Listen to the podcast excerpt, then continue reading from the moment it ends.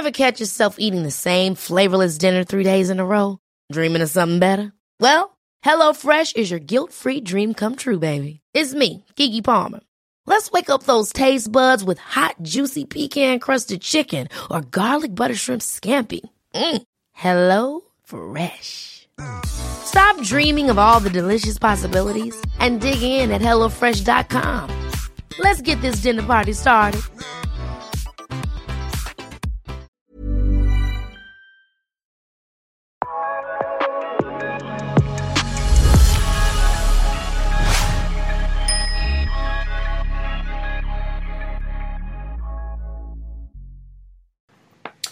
Hej, jag heter Magnus Fredriksson och för 23 år sedan eh, gjorde jag en eh, tidning, eller startade en tidning med den här killen på omslaget. Han sitter här. Eh, Han gör det. Ja, var ung, var lovande. Var... Nej, man var inte så snygg då heller. eh, 21 var du då ungefär.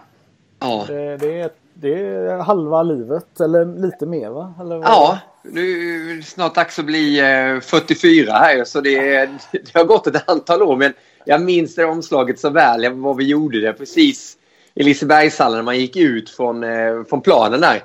Just det. Och, och det var ganska roligt för jag kommer ihåg du bara "Ah, men du måste se ännu gladare ut. Du har gjort mål, det var viktigt. Och vi, vi tog om och om igen. Och, det, jag sa det är inte bättre att ni tar en bild när jag gör mål på riktigt istället. Men det, till slut lyckades vi. Nej men det, alltså, det, det var mycket jag hade att tänka på här då för jag vill gärna ha med innebandyklubban. Och det var Ja. vik- viktigt att den var nära kroppen. För att hade den varit utanför så hade det varit svårt att vi- vignettera. Och eh, ja, det gjorde ju ingenting att eh, dina svettband och sånt där var med och hej och hå. Så här. Men du hade inte börjat med pannband där. Det var, måste varit precis innan. Exakt, jag, fick lite utskällning där av eh, Jan Inge och company på Unihoc. Där var du måste ha svettband och eh, pam, svettband hade jag ju på men pannbandet också. Så på Ja. lagfotot sen året efter så hade jag jättekort frisyr med pannband såklart för att det skulle se coolt ut. Men det var ju sådär coolt egentligen. Så, nej, men det, det var schysst faktiskt med innebandymagasinet där. För alla andra är ju upp, göm sponsorerna. Men du var nästan tvärtom. Håll upp och visa sponsorerna. Det, det kommer jag ihåg. Det var, det var mäktigt. Nej men det är väl klart. Så det var ju viktigt och att eh, allt syntes för då kunde man ju ringa dem och säga att eh, här ska man vara med. ja, nej men lite, lite win-win situation. Nej men jag kommer ihåg det här omslaget för, för att jag hade en vision. eh, Eller, eller det var ganska... Hur ska man förklara? Det här var 1997-98 den här säsongen och jag menar Pixbo har varit ett lag som det har snackats om i åratal och, och så här. Och, eh, har aldrig varit på ett omslag i, i den här gamla svensk innebandy. eh, Utan det har egentligen varit samma typer av lag och mest runt Mariestad och kanske Stockholm och sådär. Ja. Så att jag hade en tydlig vision här och, och du var ju på gång det här året. Det var väl det var ju ditt stora år eller hur ska man säga? Ja, men det var det. Absolut. Det var ju, jag kom ju till Pixbo 95, så 95-96 var första. 96-97 så började det ju gå liksom uppåt. Man fick vara med i landslaget. Men 97-98 i- fick jag ju årets spelare och hela den här biten. Vann Ja. skytteligan och poängligan och allt sånt. Så det, det var ju det året som det hände grejer. Framförallt med sponsorer och sånt också. Ja, men det, fick du inte det priset lite snabbt eller? eh, Eller Ja, det- var, ja. Nej, men det, det, var, det var rätt mäktigt också. Det var ju nere i Varberg, den andra finalmatchen har jag för mig det var. För, I och med att det kunde tagit slut och vi ledde ju med 1-0 i matcher. Ja. Eh, och Björn Borg var där och delade Ja. ut också har jag för mig. Ja. Det var så surrealistiskt för mig då som tenniskille att man ska få pris av Björn Borg. Det var ju svårt att koncentrera sig på den här SM-finalen då. Jo, jag har en bild när du står med klubban mellan benen och så. Och, och, eh, Ja, det, Den är hemsk Ja. men det, Ja. det, det, det var mäktigt var det. Vi förlorade ju den matchen tyvärr. Men Mm. den säsongen var vi var ju faktiskt riktigt, riktigt bra i, i Pixbo. Frågan är om det är något lag som har varit så pass bra. Nu, nu vann ju Varberg. Det var ju bara att gratulera dem att de blev svenska Mm. mästare. Men jag tror vi förlorade en match där under, under ordinarie tiden. Något sånt den säsongen. Det, det var Augustsson och det var Helgård och det var eh, Bodda, Bodén då, Adam Lindberg och Lennart Lundgren i mål. Det var ju landslagsspelare överallt. Ja. Ja men alltså någonstans hade ju, jag menar Balrog eh, kom in och tog över eh, innebandyn 93 när man vinner med, med, med Hellström och Bruno och, Mm. och, och, och alla profiler och, och skapade någon form av attityd på innebandyn. Och, och så turas man om där lite med Fornudden, Kista och, Um, och så kommer västkusten lite här då och äntligen få få ehm, för, för ni kämpade ju ett, en massa år där. Och... Ja, absolut. Visst, visst var det så. och det är helt rätt som du säger. För vi, jag kommer ihåg vi, mitt första år i, i Pixbo så var det kvartsfinal. Då fick vi möta Balrog och vi tyckte det var så stort att bara få åka upp till Stockholm. Och sova över kvällen innan. Jag, jag kommer ihåg att Ingen släppte av oss på stan där i Stockholm. Ja, ni kan ju äta någonting och så ses vi här vid bussen klockan tre. Alla gick till McDonalds och satte sig i någon annan hamburgerkedja ja, ja. inför en kvartsfinal i SM. Vi, vi, vi var ju där men ändå inte där på det Nej. sättet. Vi kunde inte utmana dem. De var ju så mycket mer seriösa och så mycket mer ja, men förberedda än vi, vad vi var då. Men sen hände någonting där. Andra säsongen jag var där, 96-97, då började vi nosa lite på det. Hade ja. stenhårda matcher med Fornudden. Ja. Men det var ju det här som saknades. De var ju lite tuffare än oss på något sätt, stockholmarna. För, eh, fram till för, för, för, Ja, precis. Lite, ja, men de var lite tuffare. Ni var lite bönder jämfört med... Ja, faktiskt. Mm. På något sätt. Och, vi värvade. Jag, jag de värvade mig från Växjö. Och vi, vi tog ju det var inga 08 som kom ner till Göteborg då för att spela utan vi byggde ju laget ja. så också. Vilket visade sig vara rätt sen i, i slutändan då, men det var ett par år som jag tycker nästan vi kastade bort där. Hade vi ja. vunnit i året 97-98 ja. så tror jag att det hade varit en dynasti där för Pixbo. Jag tror att vi hade vunnit år efter år efter år där ett tag. Mm. För då hade vi, vi hade fattat vad som gällde egentligen. Nu blev vi lite så här skraja va? Kan vi inte vinna fast vi har bästa laget på något sätt? Det var lite overkligt. Nej precis och jag menar Varberg gjorde det ju bra och jag menar mm. Ja, utan Peter Nilsson så uh, hade du suttit med guld 98 här. Det, så är det. Men, men de, var ju, de var ju bra men de var ju inte det superhotet ändå. För de överträffade lite sig själva där och, ja. och, och eh, fick ihop det. Ja, men, men, men, så var det ju. Det, det, var ju, som du säger Peter Nilsson, det, jag tror ingen har varit så bra som han var egentligen i den finalserien. Det var ju helt overkligt. Han fick mm. bollen, bara sjuff, sög in den och sen la den mellan benen och sen upp i krysset. Det, det såg hur enkelt ut som helst. Vi bara, ja. vad hände egentligen? Ja. Och sen Brottman som kom ner och visade lite också hur, hur man vinner då egentligen. Det är klart att de hade ett bra lag. Det var ju ja. Claes Karlsson och Wilhelmsson och alla de här också. Men om man jämför med, med det vi hade så det är klart att vi skulle vunnit den säsongen. Och det, det kan gräma mig lite nu när man summerar allting. Ja. Att fasen att vi inte vann det där året. Det var, det var upplagt för att vi skulle göra det. Och Pixbo var verkligen i startgroparna också för att verkligen slå igenom framförallt i Göteborg då. Och ta upp ja. konkurrensen med till och med med fotbollsklubbarna nästan ja. Ja och absolut handbollen. Eh, mm. I Lisebergshallen. Men då spelade ni väl alla matcher i Lisebergshallen eh, mer ja. eller mindre? Va? Eller, ja det gjorde vi. Ja. Det gjorde vi. vi. Och vi tränade. Jag tror vi tränade två gånger i veckan också i Lisebergshallen. Så det, det var ju vår arena då, tillsammans med RIK. Mm. Men eh, Redbergsley var ju större så det var ju alltid vi som komma in efter dem och så var det klister på golvet. Och ja. Hela den här biten. Men jag, jag älskade ju Lisebergshallen. Nu finns det ju inte kvar längre. Nej. Det är ju tråkigt. Men jäklar vad den betyder mycket för, för mig och de andra gubbarna i Pixbo också. Precis. Men det var någon form av innebandyn gick så här uppåt. Alltså, man visste inte riktigt var, var, var kommer det här sluta. Det, det, det, och det hände ju mycket också med Wallenstam som blev intresserad ja. och vid den här perioden. Och... Ja, men det, det, var så, och vi fick ju med jag menar, innebandymagasinet då. Ni, ni höll ju till där nere så ni, vi fick ju mycket där också och fick göra reportage och den biten. Och sen hakade ju tidningarna på bra också. GP och GT, de här stora drakarna i Göteborg då. Ja. Gjorde ju verkligen innebandyn en tjänst också. Det var ju inte så att åh, får jag åka och bevaka innebandy utan de tyckte det var kul. Ja. Vi fick ju en relation med de journalisterna också så att ja. det, var jäkligt roligt och en häftig tid att eh, spela i Pixbo där. Och, I och med att vi, vi lirade ju en rolig och häftig innebandy också. Ja, ja, men det kändes som uppvisning där. Det, det var ju någonting som föll på plats där när Anders Hellgård eh, kom till eh, eh, laget och... Eh, ja, ja. Herregud, och det var ju 97-98 precis mm. när han kom in. Och vi hade ju sett honom såklart också i, i Backadalen var det ju. Ja. Han lirade, man visste vad det var för, för figur då, men att han var så jäkla bra. Det hade man ju ingen uppfattning om då. Han kom ju rakt in och det var ju bara, ja men du, eh, Jihde Augustsson, ni ska spela med, med Helgård här och han bara fort in drev ju på direkt. Och den skallen som eh, Helgård besatt när han var som bäst där, den var ju ruggig alltså. Han skulle ju bara vinna ju. Det, det fanns inget annat. Mm. Ja, men det var rätt eh, behagligt att se er spela för man visste vad som, vad som väntade. Den gick runt där och så var det någon som knackade eller eh, lyfte in boll. Ja, eller volley. Ja, ja men det var ja. Lite uppvisning faktiskt. Eh. Men egentligen, och det var ju inte melodin egentligen. Vi var ju också så uppstyrda. Vi ska spela så här. Och, ja. 2-1-2 upp och eh, pressa Jihde på, på vänsterkanten upp lite högre. Men så samtidigt så vi var ju så bollsäkra faktiskt som man får skryta lite allihopa. Och med Bodén då som skickade upp de här långa bollarna på mig som kunde suga ner den och spela till Aga och sen till Hellas. Det, det passade så perfekt så att det blev ju att vi hittade på ett eget spel egentligen och till slut så lät ju tränarna oss bara men kör ni. Ja. Det var ju samma sak i landslaget och ja. att vi hela tiden fick göra det. Men oj, vi, vi var ju sjukt trötta på varandra också. Varenda ja. träning spela ihop, landslaget spela ihop och ja. det blir nästan för mycket för oss också. Men det är väl så det är roligast att spela, att man får styra allt själv eller?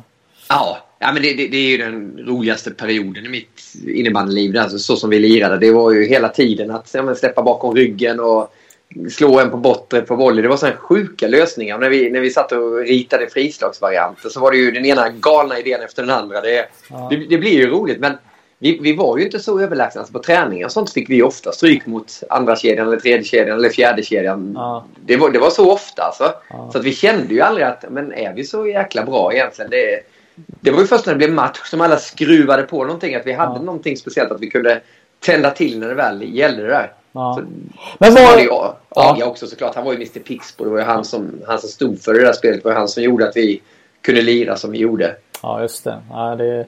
Men vad, vad är hemligheten? Varför, varför blev du så bra innebandy tror du då? Eller vad, vad är...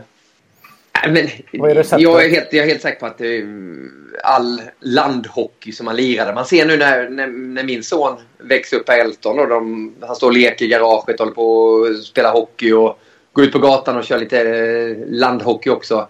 Det var, det var ju där man fick det. Jag spelade ju inte innebandy på det sättet. Utan jag gjorde ju hockeydragningar och körde med, med rakt blad och hela den biten. Ja. Så att spelförståelsen och det, det kom ju därifrån. Helt övertygad om det. Ja. det. det. tog ju bara några månader för mig så fick jag ju spela på eh, högsta nivån. Då, så ja. Det var ju det, därför man hade det. Och sen boll, bollträffen från tennisen tror jag också. Ja, just det. Hur mycket, tennis, hur mycket tennis spelar du? du... men då alltså innan jag gick över till innebandyn? Ja, men under ja. ungdomen eller ja, fram, ja. ja men vi, framförallt då när vi, när vi flyttade från Moeda verkligen ut på landet till, ja. till Växjö. Då intensifierades ju tennisen rejält. Alltså, herregud, vi, vi tränade ju tre timmar om dagen när det var helger och sen var det fysträning på det och så ja. åkte vi runt på turneringar hela tiden. Så det, det var ju bara tennis, tennis, tennis. Det var nästan ja. så att man inte gick i skolan ens. Nej. Men hade du den typen av träning, där måste ha gynnat dig när det vreds upp i innebandyn också? Att du hade det lite med dig sen innan eller hur känner du? Ja men exakt. Jag, jag tror det. det innebandyn hade ju varit lite sådär ploj tidigare. Man har inte kört stenhård fysträning och sånt. Jag kom ju från den här miljön med Fredrik Fidde Rosengren och som Davis Cup-tränare och hade Jonas Björkman och jättestora namn, Robin Södling och dem. Ja. Så han hade ju redan drivit oss som elitidrottsmän egentligen. Då, så man var ju redan inne i det där att okej, okay, eh, man, man kör 45 minuter innan träning fys och efter så är det lite, lite styrka, snabbhet och sånt. Så jag låg nog ganska långt före många där med, med det fysiska. Men det var inte så många som snackade om det. Utan folk tyckte bara det var roligt att man sprang och lite knacka och slog ja. volley och sånt. Men fysen var, var riktigt bra. Och när man kom till Pixbo, jag fick ju spela i juniorlaget, i A-laget, i B-laget. Det var ju matcher och cuper hela, hela tiden. Ja, ja men det... Ehm, men... Eh, ja, ja, men sen när du flyttade hemifrån och eh, flyttade till Göteborg och fick ta hand om eh, alla måltider och i Lunden bodde du va? Ja, först bodde jag i, i Mölnlycke. Mölnlycke först ja. Ja, precis bakom ja, men Wallenstamhallen egentligen. Aj, ja. vid, vid, stationen där. Och stationen var ju en pizzeria där, så det var ju, det var ju räddningen för mig. när man flyttade upp det. Så, ja, jag hade ingen riktig koll heller. Nej. 19 år, vet, fått allt serverat hemma av mamma och pappa. Ja. Så när man kom upp då så... Ja, jag åt ju för dåligt hela den biten där ja. för, att, för att vara en elitidrottsman. Där, så efter något år där så tappar man ju lite med det fysiska fördelen man hade. Men eh, jag kommer ihåg att jag gick och förhandlade i Mölnlycke första gången. Då ringde jag hem till morsan och bara du, alltså, det kostade 350 spänn. Jag fick bara lite makaroner och köttfärs och sådana grejer. Ja, hon bara, men så är det liksom. Att vara vuxen och det, det kostar det. Nu får du ju tänka liksom det ekonomiska också då. Så det blir ju väldigt, väldigt stor omställning med allting. Men Jan-Inge som också bodde i Mölnlycke och gör det fortfarande. De tog ju hand om mig som, ja, men, som hans grabb nästan och alla andra. Så det fanns ju alltid någon att fråga och mm. få hjälp av också. Så det perfekta vägen för mig var det in i elitinnebandyn där. Ja men det var aldrig någon eh, tanke att åka hem efter något tag eller något sånt där eller? Nej, inte i Pixbo, inte en gång alltså. Utan det var direkt man kom upp och det där gänget som man spelade med, både juniorlaget ja. och i A-laget, alla var ju nästan i samma ålder. Ja. Så, så, när jag flyttade in till Lunden, och Lunden är ju en del av Göteborg, då, stadskärnan där. Mm. Då blev det ju ännu mer så att okej, okay, där bor eh, han och där har du Krigge och där har du Lelle mm. Lundgren då. Ja. Krigge och Christian Sandberg. Så man kunde ju vara med någon hela, hela tiden. Vi hade ju så sjukt kul. Det var ungefär som den här serien Vänner.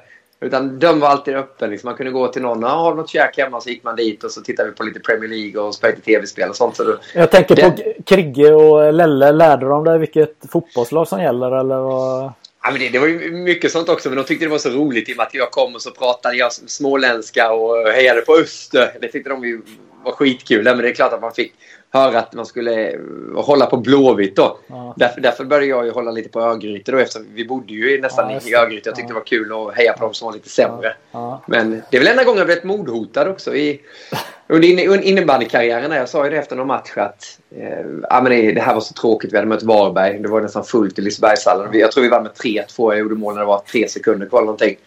Och så kom reportrarna och bara, ah, har du någon bra rubrik i det? Jag bara, ja, här ska vi bjuda på glamour innebandy och så spelar vi som Blåvitt. Alltså, lika tråkigt för Blåvitt var, de var inte bra just då. Ja, just vi, ska vara, vi ska vara som ÖIS, det ska liksom vara klacksbackar, det ska vara liv bakom ryggen och sånt här. Då. Och då blir det ju löpsedel på det. Vi är lika tråkiga som Blåvitt. Säger Jihde, du vet. Och då kommer jag ihåg att Lelle, Lennart Lundgren, ja. sa det. Ah, du får nog ta det lite, lite lugnt då. Sen någon träning senare så stod supporterpolisen faktiskt på Pixbo-träningen. Så fick jag och Jan-Inge och den här polisen då ta ett samtal. Så fick jag ett visitkort med mig hem till den här polisen också om ja. det skulle hända någonting. För då hade de fått in ett, ett hotbrev. Och det, det var idiotiskt av mig att dra det så långt. Och det, ja. Där gick jag för långt helt enkelt. Ja, men det är väl, det är väl så du, du, du brukar... Ja, jag, jag höll ju på det. det de vill ju ha någonting extra, eller ni vill ju ha någonting ja. extra. Nu är jag ju själv journalist också och vet ju precis ja. vad det handlar om. Men de vill inte höra att jag skulle, åh, tre sekunder kvar, jag fick bollen och gjorde en dragning och sen så flippade jag upp den i bortre på Mattsson och sånt. Det var inte det de ville höra utan de ville ju ha någonting ja. bakomliggande också som de kunde bygga på då. Ja. Vad, vad lockar de med Pixbo då? Vad, hur såg ditt första kontrakt ut nu då? Vad, vad, vad fick du? Eller vad... Ja. jag, jag var jätteklar för, för Jönköping året innan och sen ja hade jag skrivit på allting och så skulle jag åka ner och lämna det här kontraktet. Och sen så när jag skulle lämna det bara, nej jag kan ju inte, kan inte flytta när jag har ett år kvar på gymnasiet. Eh, så då, då rev jag det här kontraktet och sa till Jönköping, nej men jag stannar, jag kommer nästa år istället. Och sen under det här året så träffade jag Jan-Inge Forsberg. Vi var uppe på någon distriktslagsturnering. Jag var tränare för Småland tror jag var. Eller coach då. Ja. Och då eh, satt vi ute på parkeringen i Partille. Jan-Inges röda bil. Han hade registreringsplåten Pixbo. Och jag tyckte shit alltså det här var ju coolt. Och Pixbo du vet med folkagrisrandiga träningsoverallerna. Jag ringade någon ja. Pixbo-keps också. Jag ja. älskade ju Agas sätt att spela innebandy också. Ja. Eh, så då började han prata om att ska inte du komma upp hit istället och vi, vi fixar lägenhet och vi fixar heltidsjobb till dig. Eh, men just kontraktsmässigt tror jag jag fick tio resor till, till Växjö tror jag fick. Mm. Så fick jag ett kontrakt med Unihoc. Så att det var gratis klubbe och grejer och 5000 kronor tror jag det var. Ja. Det, det, det, var det kontraktet jag hade. Men då, då löste de ett heltidsjobb också. Ja. Och med lägenheten fick jag betala själv och allt sånt. Ja, ja det är... Men jag var ju skitstolt över det. Du vet. Åh, få 5000 kronor. Du, vet. Och... du, menar, du menar per år då? Ja, ja. Det, var det, det var det man hade. Och det här är ju 95 då. Ja. Ja. Eh, men det, det vet, sen jobbade man ju. Jag har ju inte jobbat hela mitt liv. Helt plötsligt hade man ett heltidsjobb och fick en, en bra lön där och en jättebillig lägenhet som Pixbo hade ordnat. Ja. Vi hyrde av en, en gammal Pixboit, Jan-Erik Larsson. Så det, det var ju väldigt smidigt.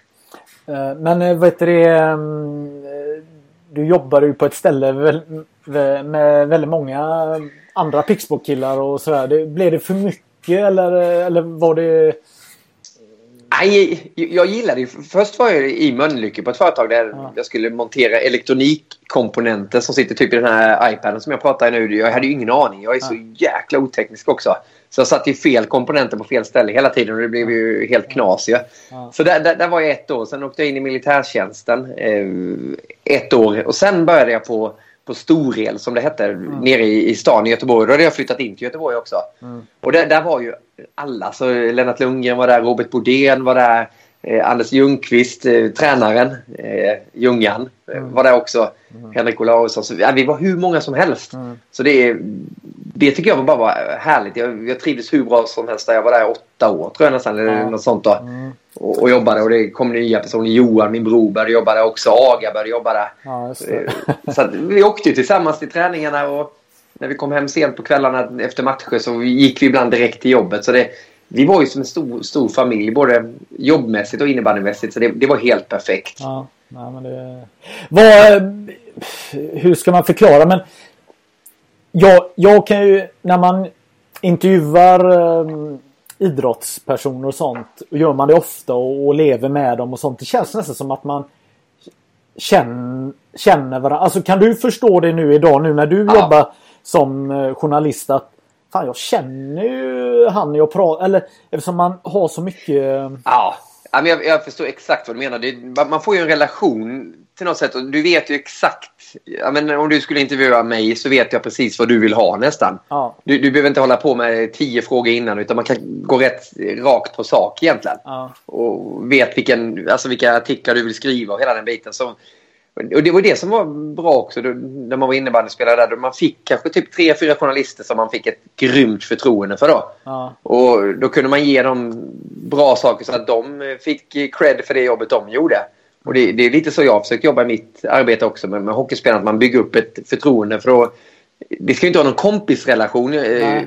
Jag förstår exakt vad du menar. Men det, det blir ju ändå att man på något sätt har någon eh, yrkesmässig respekt för varandra som mm. ger lite roligare svar än de här gamla vanliga bara. Ja men det är skönt om man kan börja på ruta tre direkt när man ja. Eh, för allas skull att uh, slippa ställa sju fullfrågor för att få någonting. Ja, och det, det, det, det har det innebandyns problem nu. För nu tycker jag har varit rätt länge att ja, men då kommer någon och ska intervjua någon. Det blir någon som kanske inte följer innebandyn så jättemycket. Men så, så kommer han så ställer han de här vanliga frågorna som man ställer till hockeylirare också. Och då får han precis samma svar egentligen som, som hockeyspelarna och fotbollsspelarna ger. Mm. De kan ju ge de svaren för att det kommer med i tidningen eller i, i tv ändå. Men säger en innebandyspelare det, då är det bara nej, vi, vi steker innebandyn den här gången. Vi skriver bara resultatet istället. Ja. Man, man måste hela tiden tänka lite mer. Ja, men vad, ja. vad, vad, kan jag ge den här personen? För då blir det också någonting att aha, den här journalisten fick med den här artikeln. Ja, men jag intervjuade ju Galante i, i Falun. Han var ju jäkligt bra. Jag ringer honom igen. Så börjar de få lite eh, förtroende för varandra och lära känna varandra. Då blir det bara hetare och hetare och hetare. Ja. Du, du kommer ihåg Tobias Sandblom där som var på GT. Mm. Alltså, GT kvällstidningen där. Ja. Det, det, var ju, oj vad han ringde mig och Aga hela tiden. För han visste ju att vi kunde krydda historierna lite och ja, att det kunde bli lite rubrik även i kvällstidningarna. Jo men eh, du, det kunde bli en rubrik. Du tappade en tacokrydda och så blev det någonting. eller, eller ja, jag menar när du var i Schweiz. Eh, du kände som Big Brother. Alltså det var ju bara ja. att uh, ussa på på något sätt. Uh. Jag kollade på de faktiskt utklippen nu för det var, det var något, jag skulle ha till en föreläsning. Så bara kan du skicka upp lite artiklar och hittade just den där Big Brother. Niklas Jihde lever Big Brother-liv i, i Schweiz.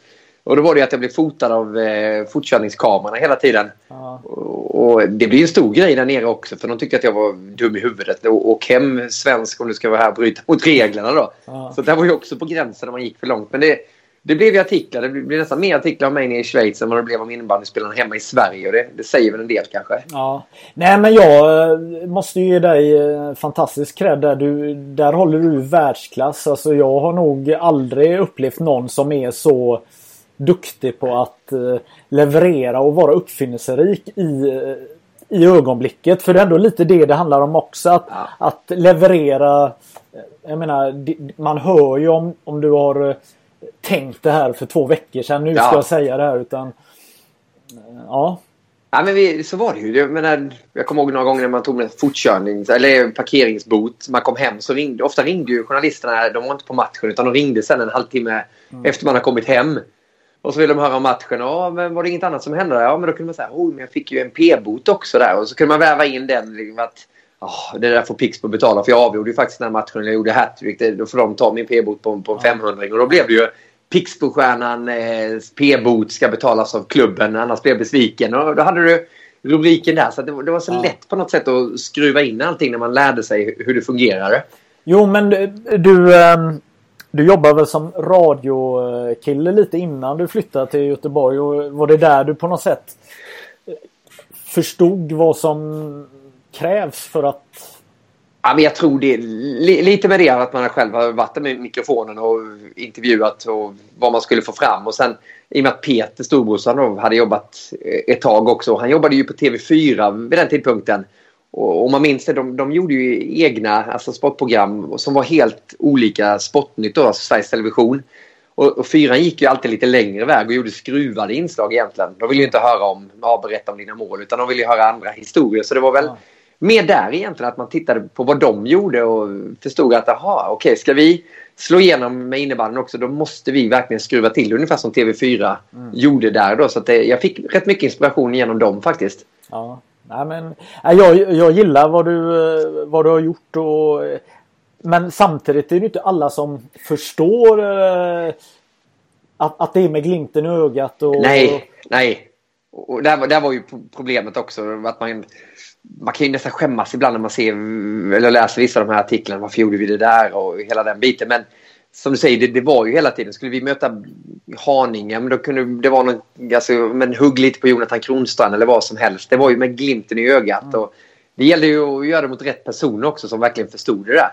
Mm. Jag kommer ihåg att Jan-Inge var ju smart också. Han visste att vi måste bygga innebandy mer. Vi, vi säger att vi köper Mikael Östlund till den här säsongen för han visste att Haninge skulle vara bra också. Mm. Och så byter vi honom mot, mot dig i det så går vi ut en sån artikel innan. Och, så han, han, var ju också inne på det att vi måste göra någonting mer för att få igenom saker. Det, det gillade jag. Och sen hade ju Aga, men Aga tänkte inte riktigt så. Han var ju bara helt ärlig hela tiden. Och, var det någon han, men vad tycker du om honom? Men han är ju värdelös. Han, han var ju på det sättet. Så det ja. blev ju alltid artiklar där igenom igen. Och sen han som var bäst kanske fick minst artiklar då. Det var ju Helgård för att han lite mer ordentlig och kanske den som var smartast av oss tre. Men Eh, han, han fick ju sina sen för att han var så pass bra. Då. Men vi, vi var rätt olika fast ändå lika på något sätt. Ja. Vad, har, du, har du gjort någonting åt eh, Svenska innebandyförbundet eller någonting just med de här detaljerna eh, och, och pratat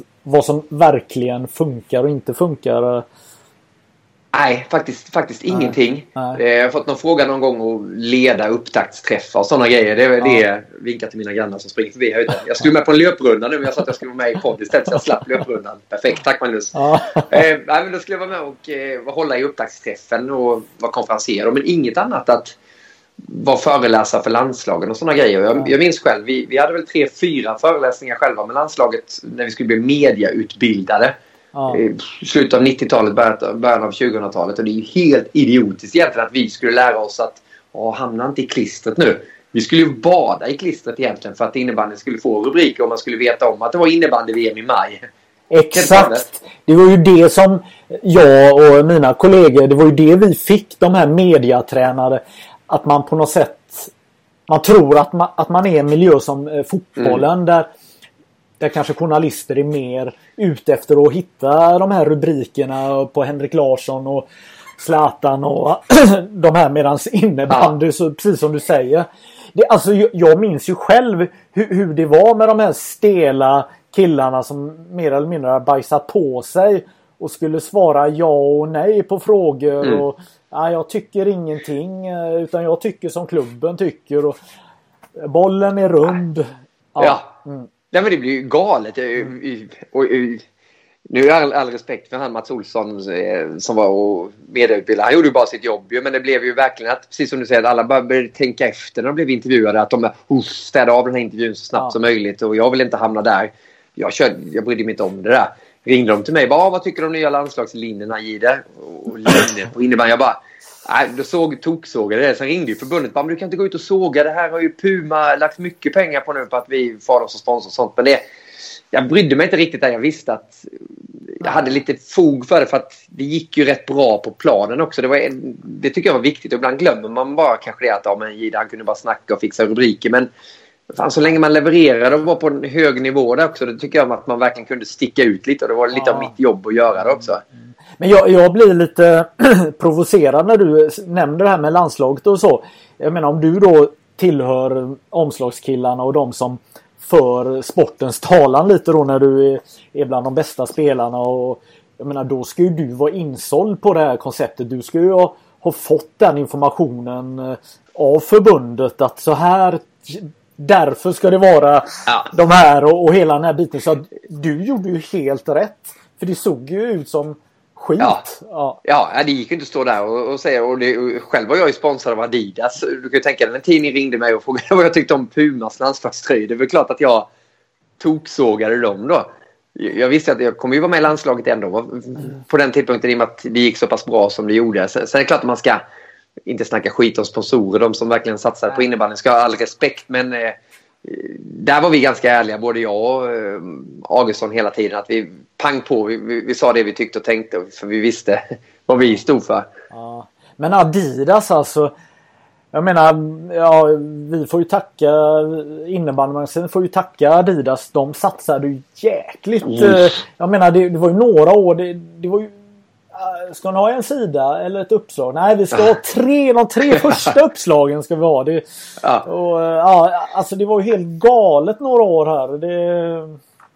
Nej, men det, det, det, var verkligen så. Och det var där precis det du var inne på. 97, 98. Det var, det var där vi började få personliga kontrakt också. Ja. Eh, Magnus och Bodén och jag kommer jag ihåg hade det då. Så fick man åka upp till Stockholm och, och fota tillsammans med, med Stockholmskillarna. Sen fick jag ju 97-98 där så bara, nu ska du över till London.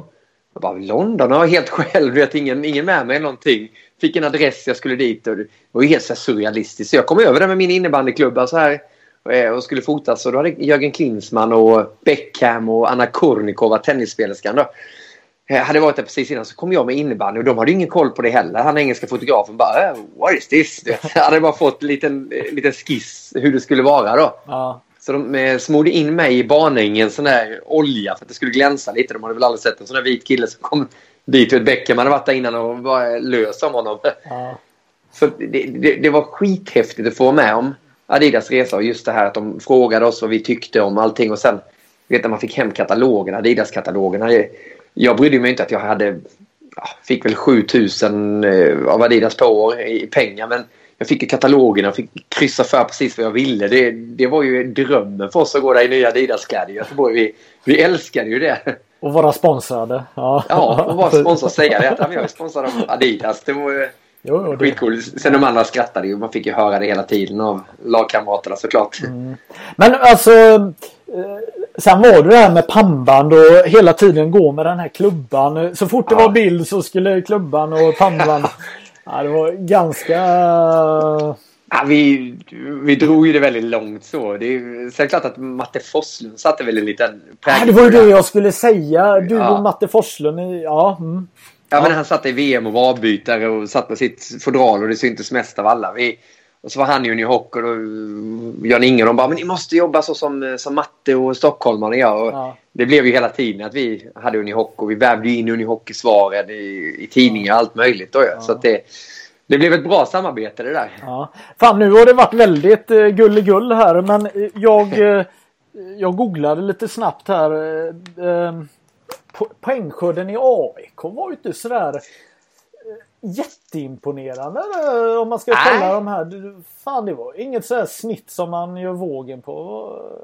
Nej, det kanske inte, kanske inte var det. Det var väl lite, jag åkte ju på min egentligen enda tuffa skada om man ska hitta ursäkter nu. ja. Men för när jag kom till AIK 2005, eller hur? Ja. tror jag det var. Det var ja. Jag har nog aldrig varit bättre egentligen för den sista säsongen i Schweiz. Det, var en innebandy som jag aldrig spelat tidigare utan det, gick hur bra som helst. Ja. Så jag hade ju väldigt höga krav men hade lite svårt att acklimatisera mig i, i AIK också. Det var en helt annan mentalitet på spelarna där också. Ja. Det var grymma lirare. De hade sin superkedja med Conny Westerlund och Gurra Eriksson och Per Svensson. Ja. Så det var inte den där hierarkin som jag var van vid. Att man, ja men det ska vara Jihde, Helgård, Augustsson och sen Nej. ni får styra och ställa. Så det blev lite annorlunda. Och sen den där skadan kom ju efter tre, fyra matcher. Ja. Vilket förstörde första året också. Men sen spelade vi ju mycket, mycket på tre, fem, tre kedjor där också. Så Ja. det blev mindre speltid och gjorde inte lika mycket mål som vi gjorde i Pixbo heller. Men nej, Fem- jag håller med dig. Fem- första gången någon säger det. Fe- 15 poäng gjorde du 05-06 men okej ni vann ju SM-guld. Ja, men, men det där var ju borta. Jag var ju, jag var ju skadad. Jag kommer ihåg att jag låg på det där. Det var fjärde matchen tror jag. Det har gått jäkligt bra första matcherna. Vi spelade Globen premiären mot eh, Kårnens eh, Storvreta. Ja just det. Ja. Eh, och gjorde väl kanske mitt snyggaste mål någonsin. Jag för mig någon, volley och knackade in den. Och, Ja. ja. men det, det var så där bara wow, innebandyn slår igenom det stort nu i, Ja. i Stockholm. Och sen tre matcher senare fick jag en tackling mot Balrog så att eh, axeln bara gick paj. Ja. Och låg på, på sjukhuset där. Och då såg man Globen från sjukhuset också. Jag bara shit, det här skulle ju vara den bästa säsongen någonsin. Jag skulle gifta mig där på sommaren. Ja. Vi skulle vinna SM-guld. AIKs första var tanken. Ja. Och så skulle jag vara lagkapten för Sverige och spela hemma-VM i Globen. Just det. Och så bara låg man och tittade på Globen och bara shit, allt går åt helvete då. Men eh, jag kom ju tillbaka, men jag, jag, jag var så dålig när jag kom tillbaka. Jag hade så jäkla svagt självförtroende så att jag petade mig själv i landslaget. Jag kommer ihåg Langren och eh, Hallstensson då, som jag känner Ja. väldigt, väldigt väl. Ja. Just det. Eh, ja, men du måste tillbaka nu för du ska vara lagkapten i VM och allting. Mm. Och jag bara, nej. Ni har tagit ut mig men jag, jag kommer inte komma för att jag, jag är för dålig för landslaget. Nu sa jag Ja. själv och det är också konstigt. Det är inte min uppgift att säga. Men, eh, så att jag, jag var borta där ett tag. Så det tog jättelång tid. Det var först i slutspelet som vi började leverera och då spelade vi ju riktigt, riktigt bra. Jag Ja. och Christian Hellström lirade ihop då, kommer jag ihåg. Ja just det. Ja just det. Han hade ju kommit till AIK där också. Ja. Ja, så på något sätt blev det istället att...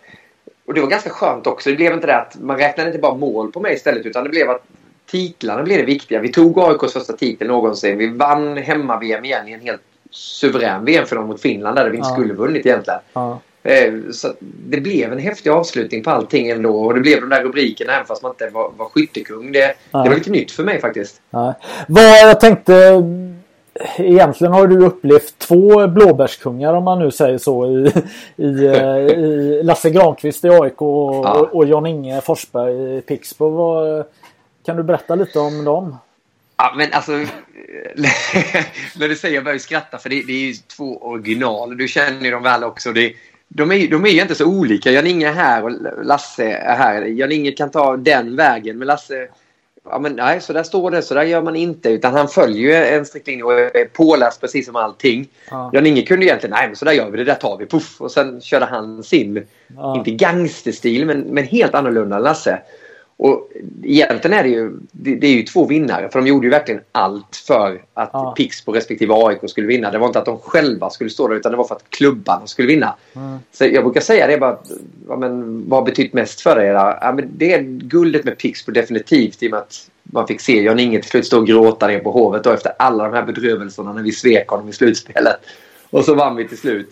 Och sen likadant med Lasse då, som hade lagt ner så mycket kraft i AIK. Och förlorat också tuffa finaler. Och så fick vi vinna efter en väldigt skum säsong. Alltså, det är väl ingen som har haft ett bättre lag om man tittar på pappret än vad vi hade i AIK Nej. 2005-2006. Fick vi spela ett, ett omspel mot Jönköping.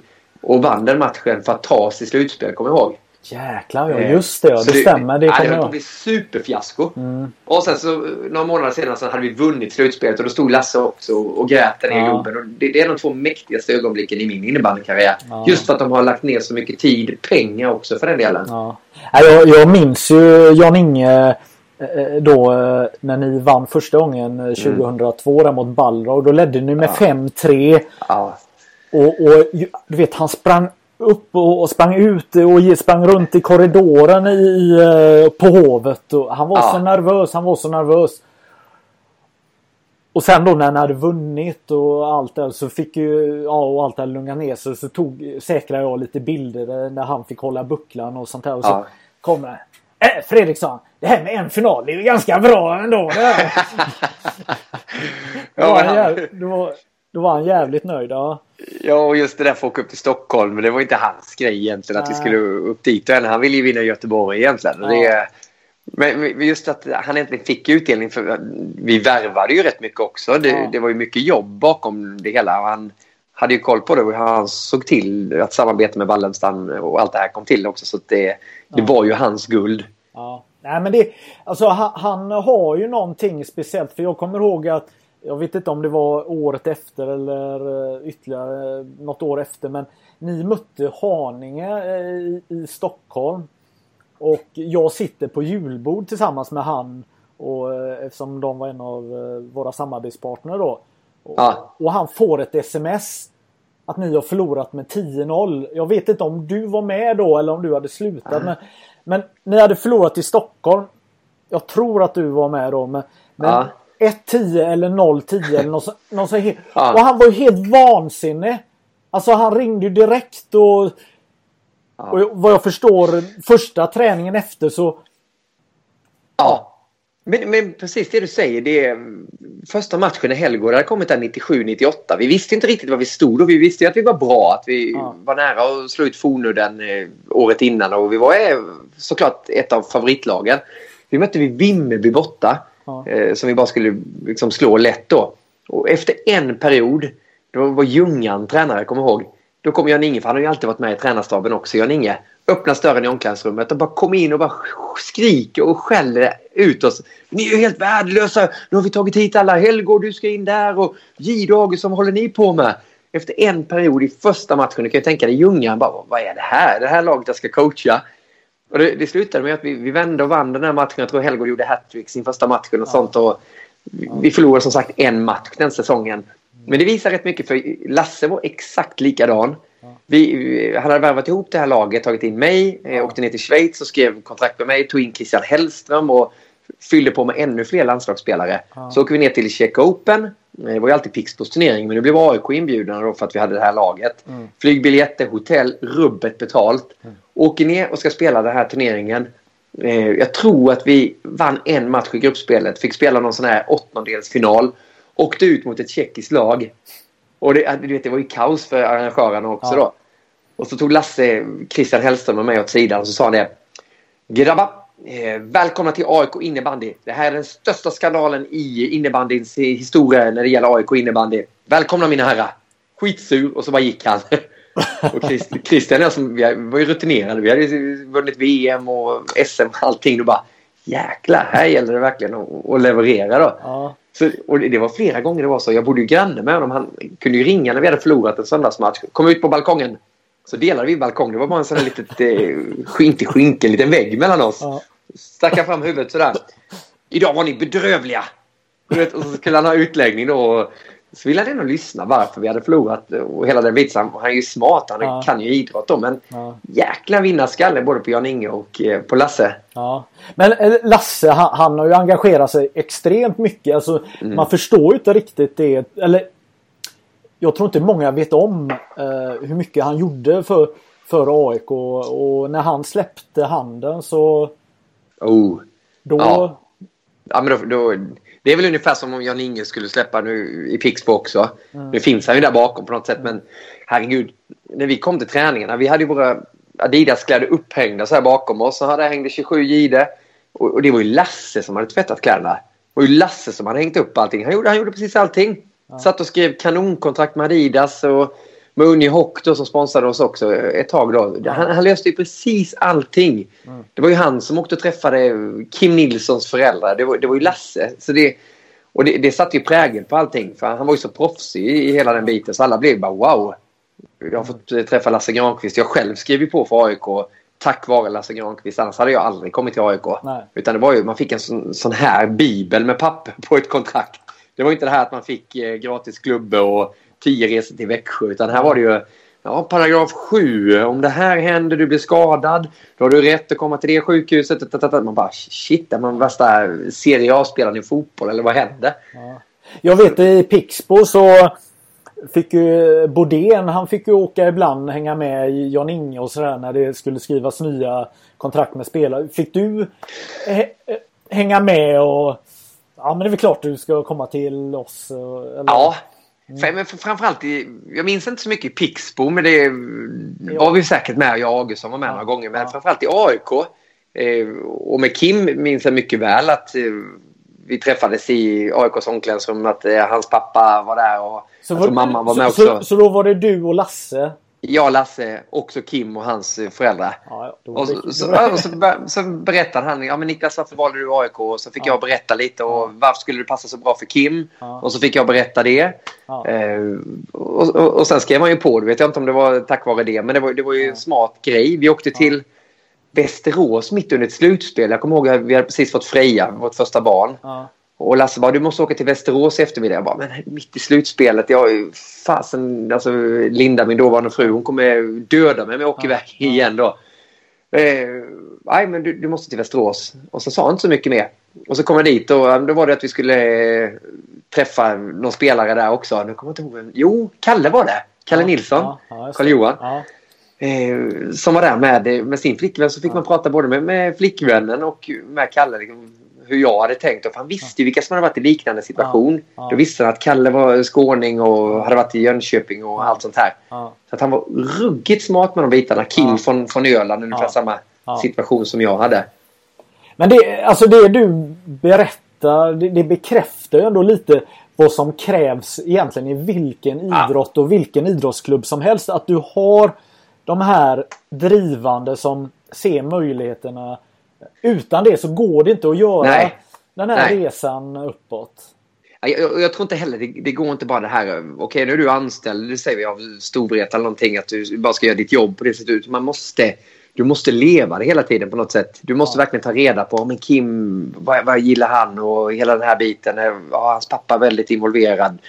Du måste verkligen ta reda på precis allting. Ja. Och det gör du bara om du har en, den innebandypassionen. Jag menar, Lasse, när det blev avstängningssnack, Per Svensson mot Storvreta i finalserie. Du vet, det, det, det var ju som att det var eh, krig på något sätt. Ja. Han kunde komma ner på våra lördagsträningar på morgonen då. Vi skulle möta Storvreta på söndagen. Och eh, berättade exakt hur det gick till. Vi har varit på möte med de här. Förbundet kommer stänga av Pelle Svensson nu. Och AIK är vansinniga. Nu kopplar vi in det här och vi har anlitat jurister och allt möjligt. Och målade upp oss att vi bara också bara jäklar ge Ja. oss matchen nu. Vi, Ja. vi vill bara vinna. De, Ja. Herregud, Storvreta ska fasen inte hålla på så här mot AIK. Utan Ja. han, han byggde upp den där ska man säga, spänningen och just så att man verkligen var stolt över det laget. Och att ja, det är Lasses lag. Jag ska hjälpa Lasse. Liksom, att nu sänker vi Storvreta i, i Ja. matchen. Här, då, då hjälper vi till. ja, just det. Och Jan-Inge var ju likadan. Det är, jag menar, vi satt på någon, uppe på Gotia som vi ofta sa som ligger mitt över Liseberg. Och käkade någon gång. Vi hade väl förlorat ännu ett slutspel. Och Jan-Inge bara, men vad är det som krävs gubbar för att vi ska ta det där jävla guldet? Och vet, vi var ju helt galna i Ulf Lundell då. eh, Helge och jag, Hagesson. Ja men, alltså om, om Uffe, kan du lova att Uffe kommer på guldbanketterna? Då är, jäklar, vi- alltså, vi skulle kriga och göra precis allting. Ja, är det Lundell som krävs för att vi ska vinna det här guldet? Då har ni Lundell här på Gotia när vi har vunnit, jag lovar er det. Ja.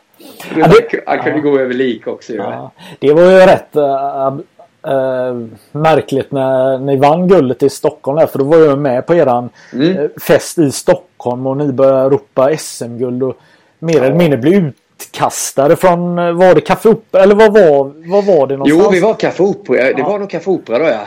ja, Det var det. Ja, Eh, Och vi åkte i samma... Det var väl... Ja, precis. Om vi åkte i samma buss som Ball drog in dit också. Alltså, Det var sådär helt surrealistiskt. Mm. Det blev jättemärkligt allting.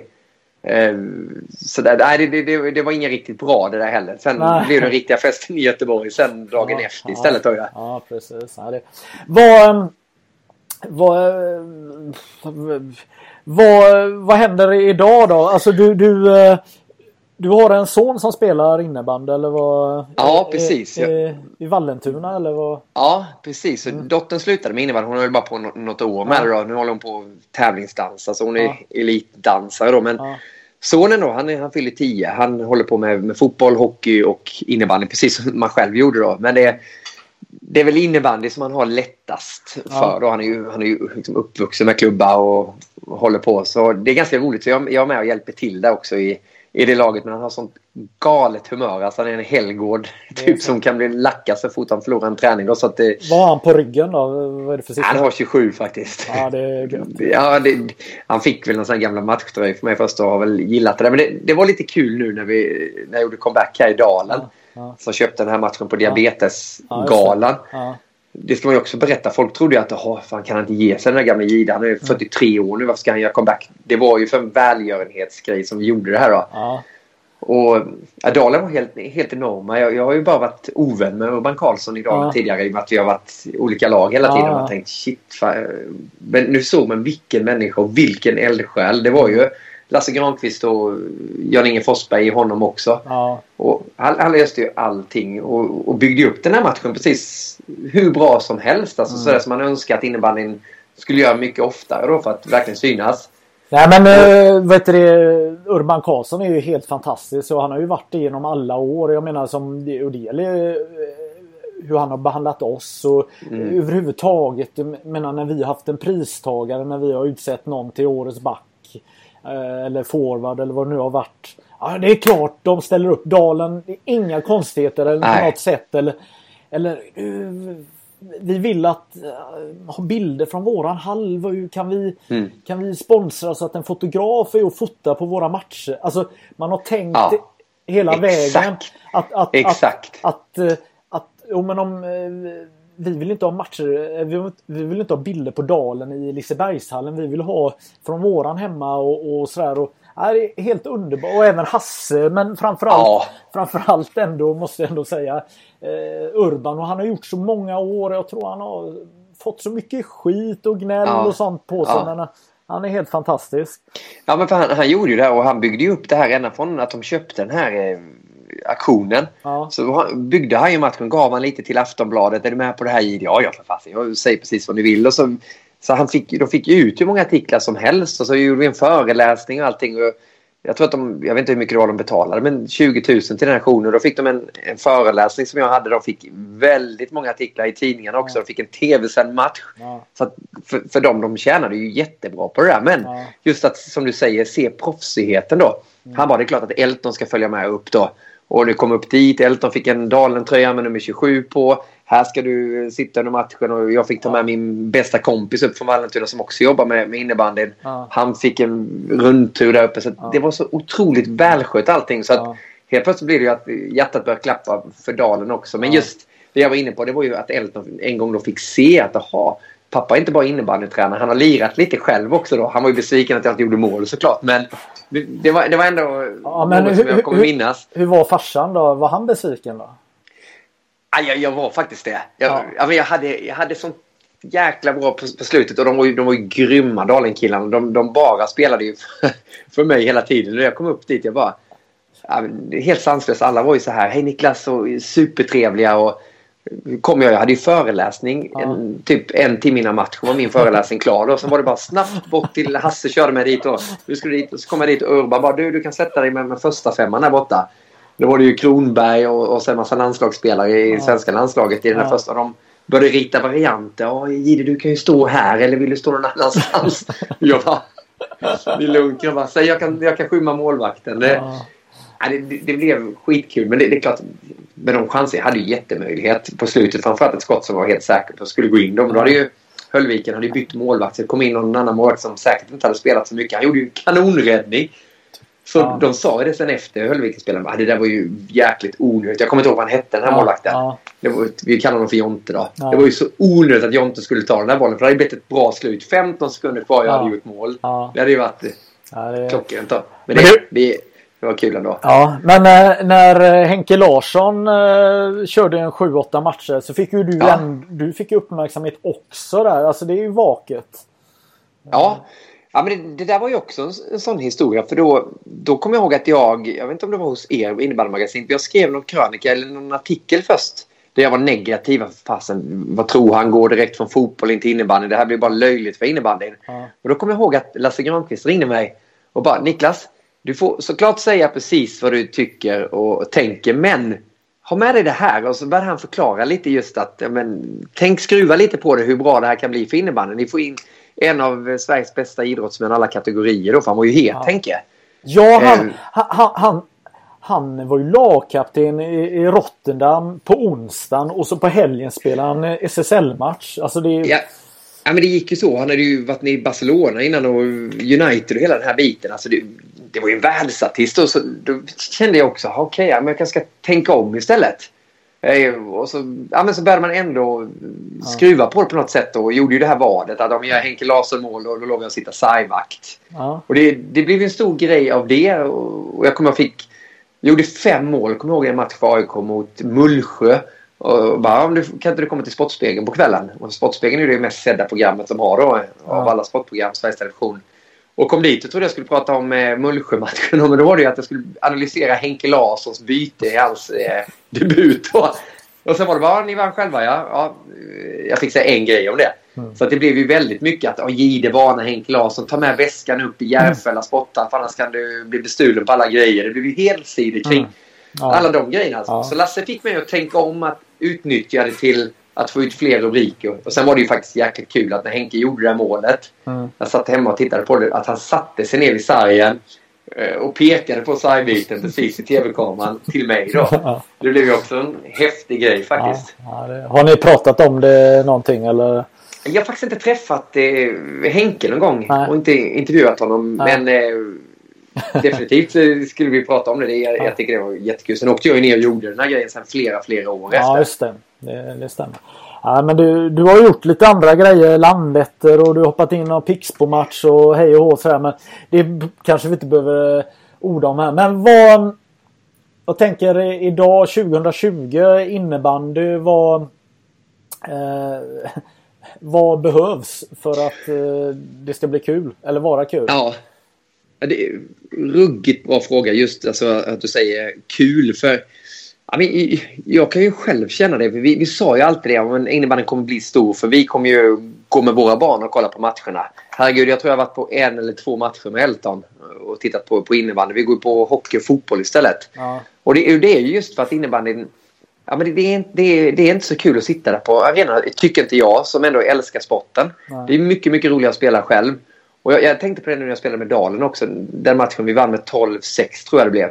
Och det, det har ju blivit, alltså spelarna är ju nästan för bra alltså allihopa. Spelet går ju bara upp och ner. Jag tror att jag hade sex eller sju målchanser på den lilla, lilla tiden jag spelade. Ja. Och det, det hade du kanske på två matcher mot Fornudden i ett slutspel. Så många chanser. Mm. Så det, det har nästan blivit att målen betyder ingenting längre innebandy. Jag är lite orolig för det där att det blir för mycket slentrian i det. Det är skitsnygga mål och bra spelare men de bara springer som fasen snabbt som tusan och så hänger de upp den i bortre.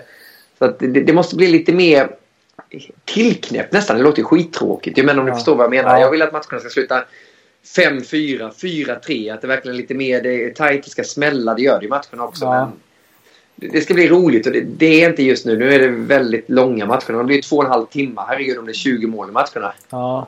ja men hade jag, det verkar nästan vara roligast att spela i Mullsjö. Den publiken där. De är ju lite galna och, och engagerade och, och sådär. eh, Men det är också försvunnit. Det är, det är precis som Varberg var på vår tid. Mm. Det fanns ju inget roligare än att åka ner till den gamla skokartongen i Varberg Ja. och publiken stod och sjöng eh, fet och tjock, tjock och fet snackar vi om Gide. Eller något sånt där. Fet.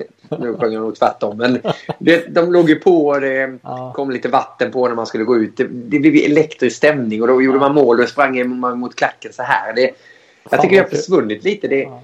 de är så proffsiga och springer runt där i snygga matchställ och sponsorer överallt. Och sen så gör man en li- liten intervju bara precis så som det ser ut i SHL-hockeyn. Och sen är matchen över. Utan det, nej, det är för lite profiler helt enkelt. Innebandyn måste verkligen snäppa upp sig tycker jag. Och det Mm. har ju alla ingredienser som behövs för att det ska vara kul. Ja, men jag gjorde en intervju med Emil Johansson tidigare i Mm. år och, och eh, i samband med att han har blivit eh, vald till världens bästa innebandyspelare. Och det som slog mig eh, när, när vi pratade är att fan han är ju cool, intressant och han Ja. är när han spelar så, så, så folk har åsikter om han för han är rätt eh, aggressiv Ja. i sin spelstil och sånt där.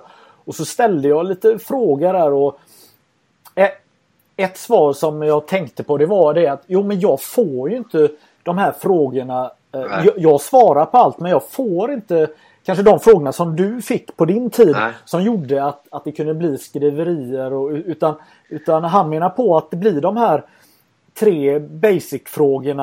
Ja, hur gick i matchen? Du gjorde två mål. Alltså bara det. Så, han- så han, får ju, han får ju inte utrymme att vara den profilen som jag tror att han skulle kunna vara. Förutom Nej. att han är bra på innebandy. Mm. Ja, men, eh, precis. Men sen samtidigt, eh, vi pratade om det, jag kommer inte ihåg med vem det var, men bara shit, tänk om man hade spelat innebandy nu på den här tiden. Om, om man själv hade gjort det med sociala medier, du vet med Instagram och Twitter. Alltså vi hade ju fått ut hur mycket som helst. Vi hade ju suttit på bussresorna hem bara och, och sagt någonting du vet, om att ja, det här var bedrövligt idag, det här hände och det, det, det. så hade journalisterna bara åh det här gör vi någonting av. Så du kan ju bygga mycket innehåll själv. Nu säger inte jag att världens bästa innebandyspelare ska behöva göra det. Men det är ju definitivt ett alternativ och framförallt för klubbarna att använda sociala medier. Varför gör inte Falun mer grejer? och gör, stick ut lite då. Mm. Låt Galante, Lenström och dem eh, göra lite andra grejer, lite kontroversiella saker. Ja. Det finns ju alltså, tillgångar till kanaler nu som inte var i närheten att finnas när vi höll på. Då, så att jag tycker att klubbarna framförallt måste göra mycket mer förbundet. Mm. Ligan, nu händer ju någonting i innebandy Sverige här. Jörgen Lindgren kom in. Det är väl det mest positiva som har hänt i innebandyn på 10-15 år känns det som. Jaha, alltså, men, ja, jag känner inte till han någonting. Då får du berätta. Du eh, känner han eller? Ja, alltså känner han har ju varit i SHL. Han ja. var ju VD där. Svenska Hockeyligan då. Ja. Som, som ju är gigantiskt. Och skrev ju ett tv-avtal som är så lukrativt så att det nästan är löjligt. Så ja. Han vet ju exakt hur man får ut pengar och hur man bygger en produkt. Nu fick SHL mycket skit också för att de tyckte att det blev för mycket företag. Men det, det är precis där innebandy måste gå. För vi är ju, säger vi, men vi har ju definitivt inte haft den här företagskulturen. Utan det har ju bara varit klubbar och men, passa äh, lite så här. Nej, men jag, jag, jag, är med där. Jag vill inte vara negativ eller på något sätt. Men jag har ju varit med om tidigare när det kommit mm. in eh, profiler från andra idrotter in i innebandy. Man har varit van att jobba med stora pengar och stora företag och, och snabba och långa avtal och snygga avtal och hej och, och helt plötsligt så innebandy, där krävs det lite det som du sa om Jan-Inge och Lasse Granqvist. Ja. Det här, hur, hur ska en eh, sån här kille lyckas, tror du? Eller, ja. ja. Ja, men jag tror att för Jörgen är lite, alltså inte bandit, men han är, han är tuff alltså. Det var ju han som fick ta ruggigt mycket skit nu när SHL då fick klä skott för att de eh, skulle ha elitlicenser och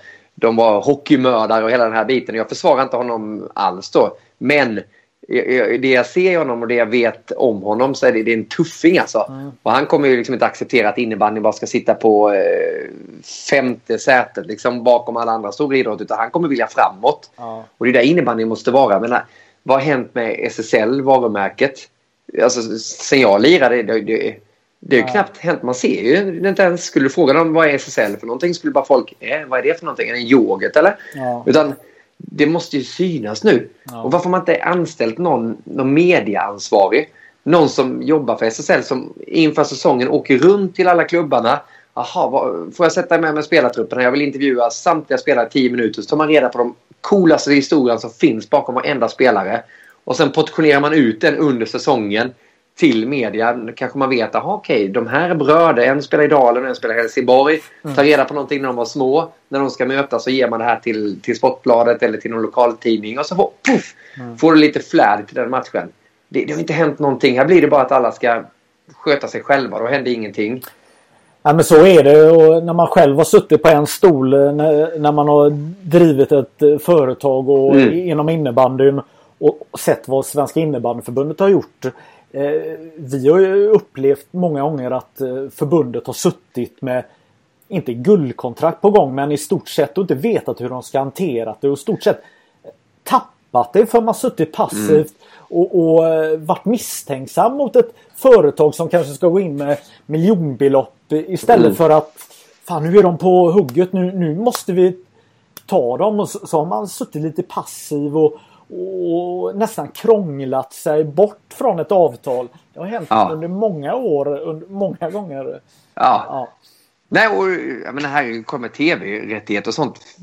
Alltså innebandyn ska ju vara glada nu att det är ett medieföretag som har sänt allting. Jag, menar, jag vet ju själv hur vi har resonerat när vi ja, ska vi gå på innebandyn och, liksom, och göra ett, ett bud för den. Men nej, det ska vi nog inte göra kanske då. Men där, där, måste det också, där måste man ju ta tillvara på det man haft också. Man hade ett eh, avtal med, med TV4 tidigare. Hur utnyttjade man det egentligen? Och när vi var på SVT då lät man ju allting bara gå. Det var ju guld att vara på SVT egentligen. Mm, ja.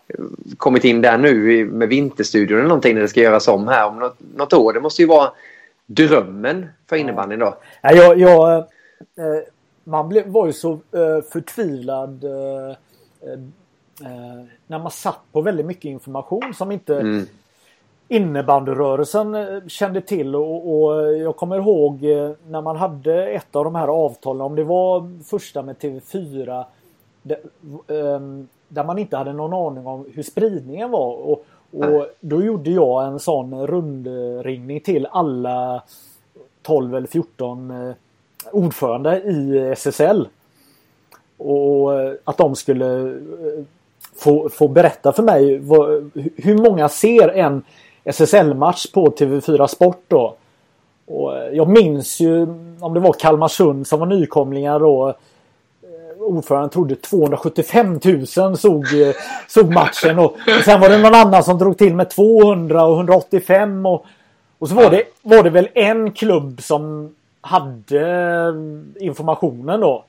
Ja, 28 000 tror jag att det är. Ja. ja och, och, så var det där någonstans då. Alltså, man, man hade ingen verklighetsförankring vad, man, vad, vad det här betydde. Alltså tror man att en kvarts miljon människor ser på din hemmamatch så, är man illa ute va? Ja, uh, exakt. Mm. Det, nej, nej, herregud. Det gäller ju att anpassa sig där vi är nu. Jag, jag tror ju att det finns ju herregud, ta, ta Stefansson som exempel. Eh, nu med den här lilla anden. Jag vet inte om du såg det på ja. Instagram. Ja, ja, men det, det, är helt fantastiskt. Liksom, där har du ju exakt det, det innehållet. Ingen, det är ingen slump. Det, det är ingen Nej. slump. Att... Nej, det, alltså Tokhylla, det verkar vara en fantastisk kille också. Jag har bara träffat honom en gång. Då, men, eh, det, det, han gör också. Och sen få ut det här i media och sen så kommer Nyhetsmorgon, lalala, så blir det ringa på vattnet. Och till slut så får ju innebandyn också cred för det. Det är sånt där som måste ske. Och det finns ju väldigt många för innebandyspelare är ju ändå coola personer. De har ett, ett jobb vid sidan om eller pluggar. Ja. Så de har en historia mer än de här som bara spelar fotboll och hockey hela tiden. Ja, ja men äh, Stefansson. Äh, han, jag delade ut. Äh, han blev årets rookie för några år sedan. Mm. Och på den äh, banketten där, alltså han var så magisk. Alltså han, ja. han hade det bara. Wow, vilken stjärna.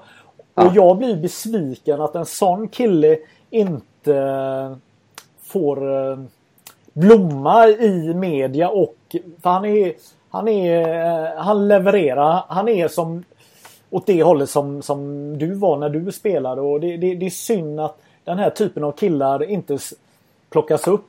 Eh, ja. Och sen är det klart, sen ska man inte bara... Alltså, det är klart att media förändras också. Nu skrivs det ju inte på samma sätt till GP och jag menar GT finns väl inte ens kvar längre, eller det?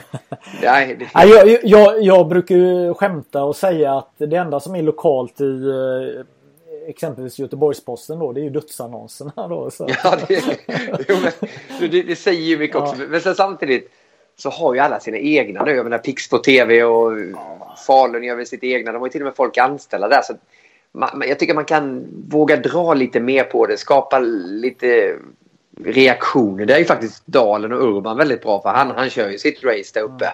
Mm. Och det, det, borde vara lite mer så. Man behöver inte vara ovänner för att man säger en sak utan man gör det för sportens skull för att det ska hända någonting mer där. Utan innebandy är ju stort och så många spelar det fortfarande då men varför sitter inte fler folk på matcherna och varför tittar inte fler på det när det, när det går i tv? Det, det är det man måste börja jobba mot då. För då vaknar ju sponsorerna om, om det är bra tittarsiffror och det är drag kring det. Då kommer ju alla haka på igen. Så som Adidas gjorde förr i tiden. Ja men så är det. Um, jag kan ju hålla med dig det här med att media har förändrats. Det märkte jag inte minst när jag höll på med min eh, bok här som syns lite diskret Ja, jag läste den. Den var det. ja, ja, det... Um, Ja, men man märker någon gång i mitten av 2000-talet eh, så, så, ser man tydligt hur lokalbevakningen i storstäderna fallerar. Alltså hur, hur, eh, hur den här bevakningen försvinner mer och mer. Man, man ser exempelvis i Göteborg så ser man hur det dras ner med bildbevakning, journalister på plats. Och samma sak är ju i Stockholm och de mm. andra stora städerna. Och det är ju det, är det, det dilemmat som, som har drabbat eh, storstäderna. Jag menar som Stockholm. Jag menar det, det skrevs om AIK och innebandy de sista åren. Och nu har det väl inte skrivits om någonting kan jag tänka Nej. mig. Nej, och det, och, det, och det är ju faktiskt, säga vad man vill om, nu är inte jag någon 08-kille även fast jag bor här uppe, men du måste ju ha lag från eh, Sveriges största stad i högsta divisionen. Så är det bara. Det är ju därför som det är bra att lägga SM-finalen i Globen för att det blir mycket lättare för alla att bevaka det också. Ja. Så att de här har försvunnit, alla de här Stockholmslagen. Det har gjort jättemycket uh, negativt för innebandyn. Tidigare var det, det var hur många Stockholmslag som helst. Vi, vi åkte ju från Göteborg upp till Stockholm varenda helg kändes som. Det var Järfälla, det var Fornudden, det var Balrog, det var Södertälje. Eh, bara sådana här lag hela, hela tiden och AIK såklart. Mm. Men, men de får ju skylla sig lite själva också. Just att det, det är bedrövligt hur det ser ut här egentligen. Ska AIK få någon spelare? Ja, du får åka en timme kommunalt och så får du träna i, i Solnahallen. Här du kommer få två träningsoveraller och, och fyra klubbor. Istället för att komma upp till ja, till Umeå tar Dalen som exempel igen. Ja. ja. men här får du, vi kan fixa lägenhet eh, en kilometer från hallen. Du kommer kunna träna på, på förmiddagarna och hela den här biten. Mm. Det blir så jäkla stora kontraster så att innebandyn har ju tappat allting uppe. Det finns ju inga förutsättningar. Kolla Storvreta när man spelar Storvreta-cupen nu med, med Elton, alltså min son och hans lag. Vilken stad, alltså Uppsala. Mm. Vet, med de här anläggningarna, man bara wow! Ja. Mattias Samuelsson fixade biljetter så att vi kollade på Storvreta och fick gå ner i deras omklädningsrum med grabbarna efter matchen. Ja. Tack så mycket Matte förresten. Eh, det var ju som man, grabbarna var ju så här för de åkte hem. Jag bara jag vill bli innebandystjärna, jag kommer inte vilja spela i Falun längre, jag vill spela i Storvreta. Ja. Vilket omklädningsrum och den arenan och hela den här biten. Ja. Det var ju som med Pixbo. Mm. Och folk tyckte det var coolt när vi sprang igenom till Pixbo-låten ja. och räven lös på, på väggen och det var line-up och sånt. Ja. Det, det, måste ju vara lite häftigt. Det, det, finns ju inte i Stockholm och knappt i Göteborg. Nej. Det är ju sorgligt när, när Pixbo spelade. Det är ju knappt en kotte. Nej, men, eh, nej, precis. Nej, men jag, jag är ju ordförande i en förening och, och äh, varje gång när vi startar upp Eh, en, en ny åldersgrupp. Så, eh, så, så gjorde jag klart med Varberg att vi åker upp med vårat yngsta lag, möter er yngsta lag, gärna mot eh, ja, ett topplag. Mm. Eh, och så får vi komma in gratis, föräldrarna får komma in gratis. Och jag bara körde på det här och Ja, tror ni verkligen det kommer någonting? Första gången kom 80 personer som åkte. Ja. Då bor jag i ett område som det är handbollsfäste. Jag känner ju att, att om de här killarna och, och tjejerna ska spela innebandy så måste föräldrarna förstå precis det här du beskriver. Mm. Att, att när de får komma då till Varberg som har hade det på, på riktigt. Ja. Det kändes som att, att se på innebandy i Varberg var som att gå på en eh, eh, elitseriematch i ishockey. Mm. Eh, SHL heter det nu då. Ja. Eh, det där med att, att, när, bara när du kommer som besökare i entrén så står någon och säljer lotter och sen mm. så är det någon som frågar om du ska köpa 50-50 lott och, och sen så eh, är du tvungen att köpa en korv med bröd innan du ja. går in på läktaren. Eh, I många hallar så, så, så, så är det ingen som bryr sig att du kommer Nej. och så går du och sätter dig direkt. Och, Uh, ja, det, det, det, är jävligt viktigt. det, ska, det, ska, bli proffsigt för då, blir det ju att föräldrarna också bara, ja men det vad kul att satsa på innebandy. Det är ju, mm. för menar, det är en seriös sport. Herregud, det behöver vi inte ja. ens prata om längre. Att, det, att du måste vara grym tränare för att bli, bli bra innebandy och hela mm. den där mm. biten. Mm. Men just att föräldrarna också ser att det finns en framtid. Det är ju otroligt viktigt. Ju, för att du måste ju få med föräldrarna. Och ska du bygga de här mindre klubbarna så behöver du sponsorer där också. Och det är ja. föräldrar som äger något företag hit och dit. Så jag tycker man har tappat det här det arrangemanget som Pixbo hade på den tiden jag spelade Pixbo i slutet där i, och i början av 2000-talet. Det, var ju, det var ju grymt bra. Det var ljud och ljus på väggarna och sen var det line-up. Herregud, Aga kom ju ner genom taket ibland. Typ det, det, det hände ju saker hela tiden. Ja, det... Så man måste verkligen bygga det där. Jag, jag tycker att det det, saknas någonting där. Det är liksom ja. ingen kraft i SSL längre nu då. Det ska ju sitta tusen personer på varenda match. Det är inget snack om saken. Ja, men så, så är det. Vad är klubben som sonen spelar i? Vad, vad är det för klubb? Ja, men det, det, det är Vallentuna här. Vallentuna börjar bli ganska stort nu. Det växer som alla förorter. Ja. Och den här klubben, jag har gillat den ända sedan jag flyttade hit. Liksom, de har en slogan. I vår klubb är alla en stjärna. Liksom, alla, alla ska få spela. Nu börjar laget bli ganska bra. Nu har de gått upp i division 1 här satt mot allsvenskan. Men ja. det är ju hur många som helst. Jag tror att i våran årskull och vi är killar födda 2010 så är vi väl 45 killar just nu då. Ja. Och det är ju alla vi spelar. Det är jättemycket i tjejlagen och sånt också. Så ja. det är grymt tryck på innebandyn här. Ja. Eh, men det gäller bara att ta tillvara på det också så att det inte blir att okej, okay, nej men hockeyn och fotboll. Det känns fortfarande som att de alltid går före lite. Ja. Att de kanske inte riktigt tar hänsyn till innebandyn. Det är det vi försöker förändra. Att man ska hålla på med allt så länge som möjligt. Men träna en gång innebandy och träna en gång hockey. Ja. Och så kombinera allting. Så att man försöker hitta eh, rätt läge och inte att du ska bli innebandyproffs när du är 13 år. Utan håll på med allting och ha kul och ja. Så mm. Det är en grym klubb alltså. Det är, det är faktiskt kul att vara med i den då. Det blev utsedd till Stockholms bästa klubb för något, något år sedan här då. Ja, ja men kul med nya, nya föreningar som man inte vet så mycket om. Ja men det ja. sitter fredagskvällar lägger de sina matcher. Du får lägga vilken slant du vill för att gå in och kolla. Grabbarna sitter med och tjejerna med sina träningsoveraller. Går ner och skjuter i pauserna. Du vet, det är lite som förr i tiden. Det är helt smockat i hallen då. Och ja. det går bara in 300 personer i sig. Men, ja. men ändå. Det då tycker jag våra grabbar och tjejer att jäkla A-lagsspelarna. Wow! Ja. Jocke liksom som gör fyra poäng per match. Han jobbar ju på vår skola också. Ja. Det räcker ju för att, för att det ska bli en förebild, en idol. Ja, det är grymt. Ja, det... Var, jag är inte så imponerad av din, eh, din mansgrotta här bakom. Eller, Nej, har, du inget, har du inget eget rum som uh, själv har? Eller vad? Ja, jo, men fast jag, jag var lite dåligt förberedd. Jag, jag brukar alltid spela in podcaster inne på jobbet när jag gör våran hockey. Så jag brukar aldrig sitta så här hemma. Det är bara våra experter som gör det. Så nu när du ringde bara, du kan inte sitta så. Då ser man din dubbelhaka. Så jag fick ta en egen plats. Jag sitter ute jag hänger jackorna just nu. Så det, det är inte så imponerande. Nej, själv är man... Eh, byggt en altan så att hela mitt liv handlar om altanbygge och virke och ja. skruvar och eh, ladda vad heter det, skruvdragare. Är du bra på sånt? Ja, nu börjar jag bli jäkligt bra faktiskt. Ja, det är så? Man får, ja. man, det, det, är helt fantastiskt. Man får jättemycket beröm. Man är duktig.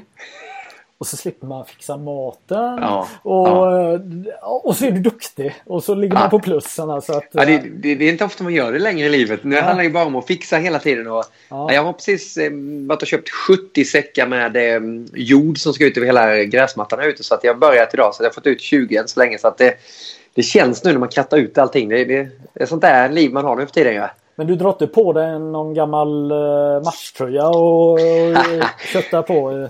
Nej, jag, jag är dålig. Jag borde ta på mina björnkläder. Jag var ju sponsrad av Björnkläder ett ja, år, sådana arbetskläder. Ja. Eh, Mr Björnkläder 2006. Jag kanske skulle ringa till dem igen och se om de har några gamla kläder som jag kan ha. Något blåställ.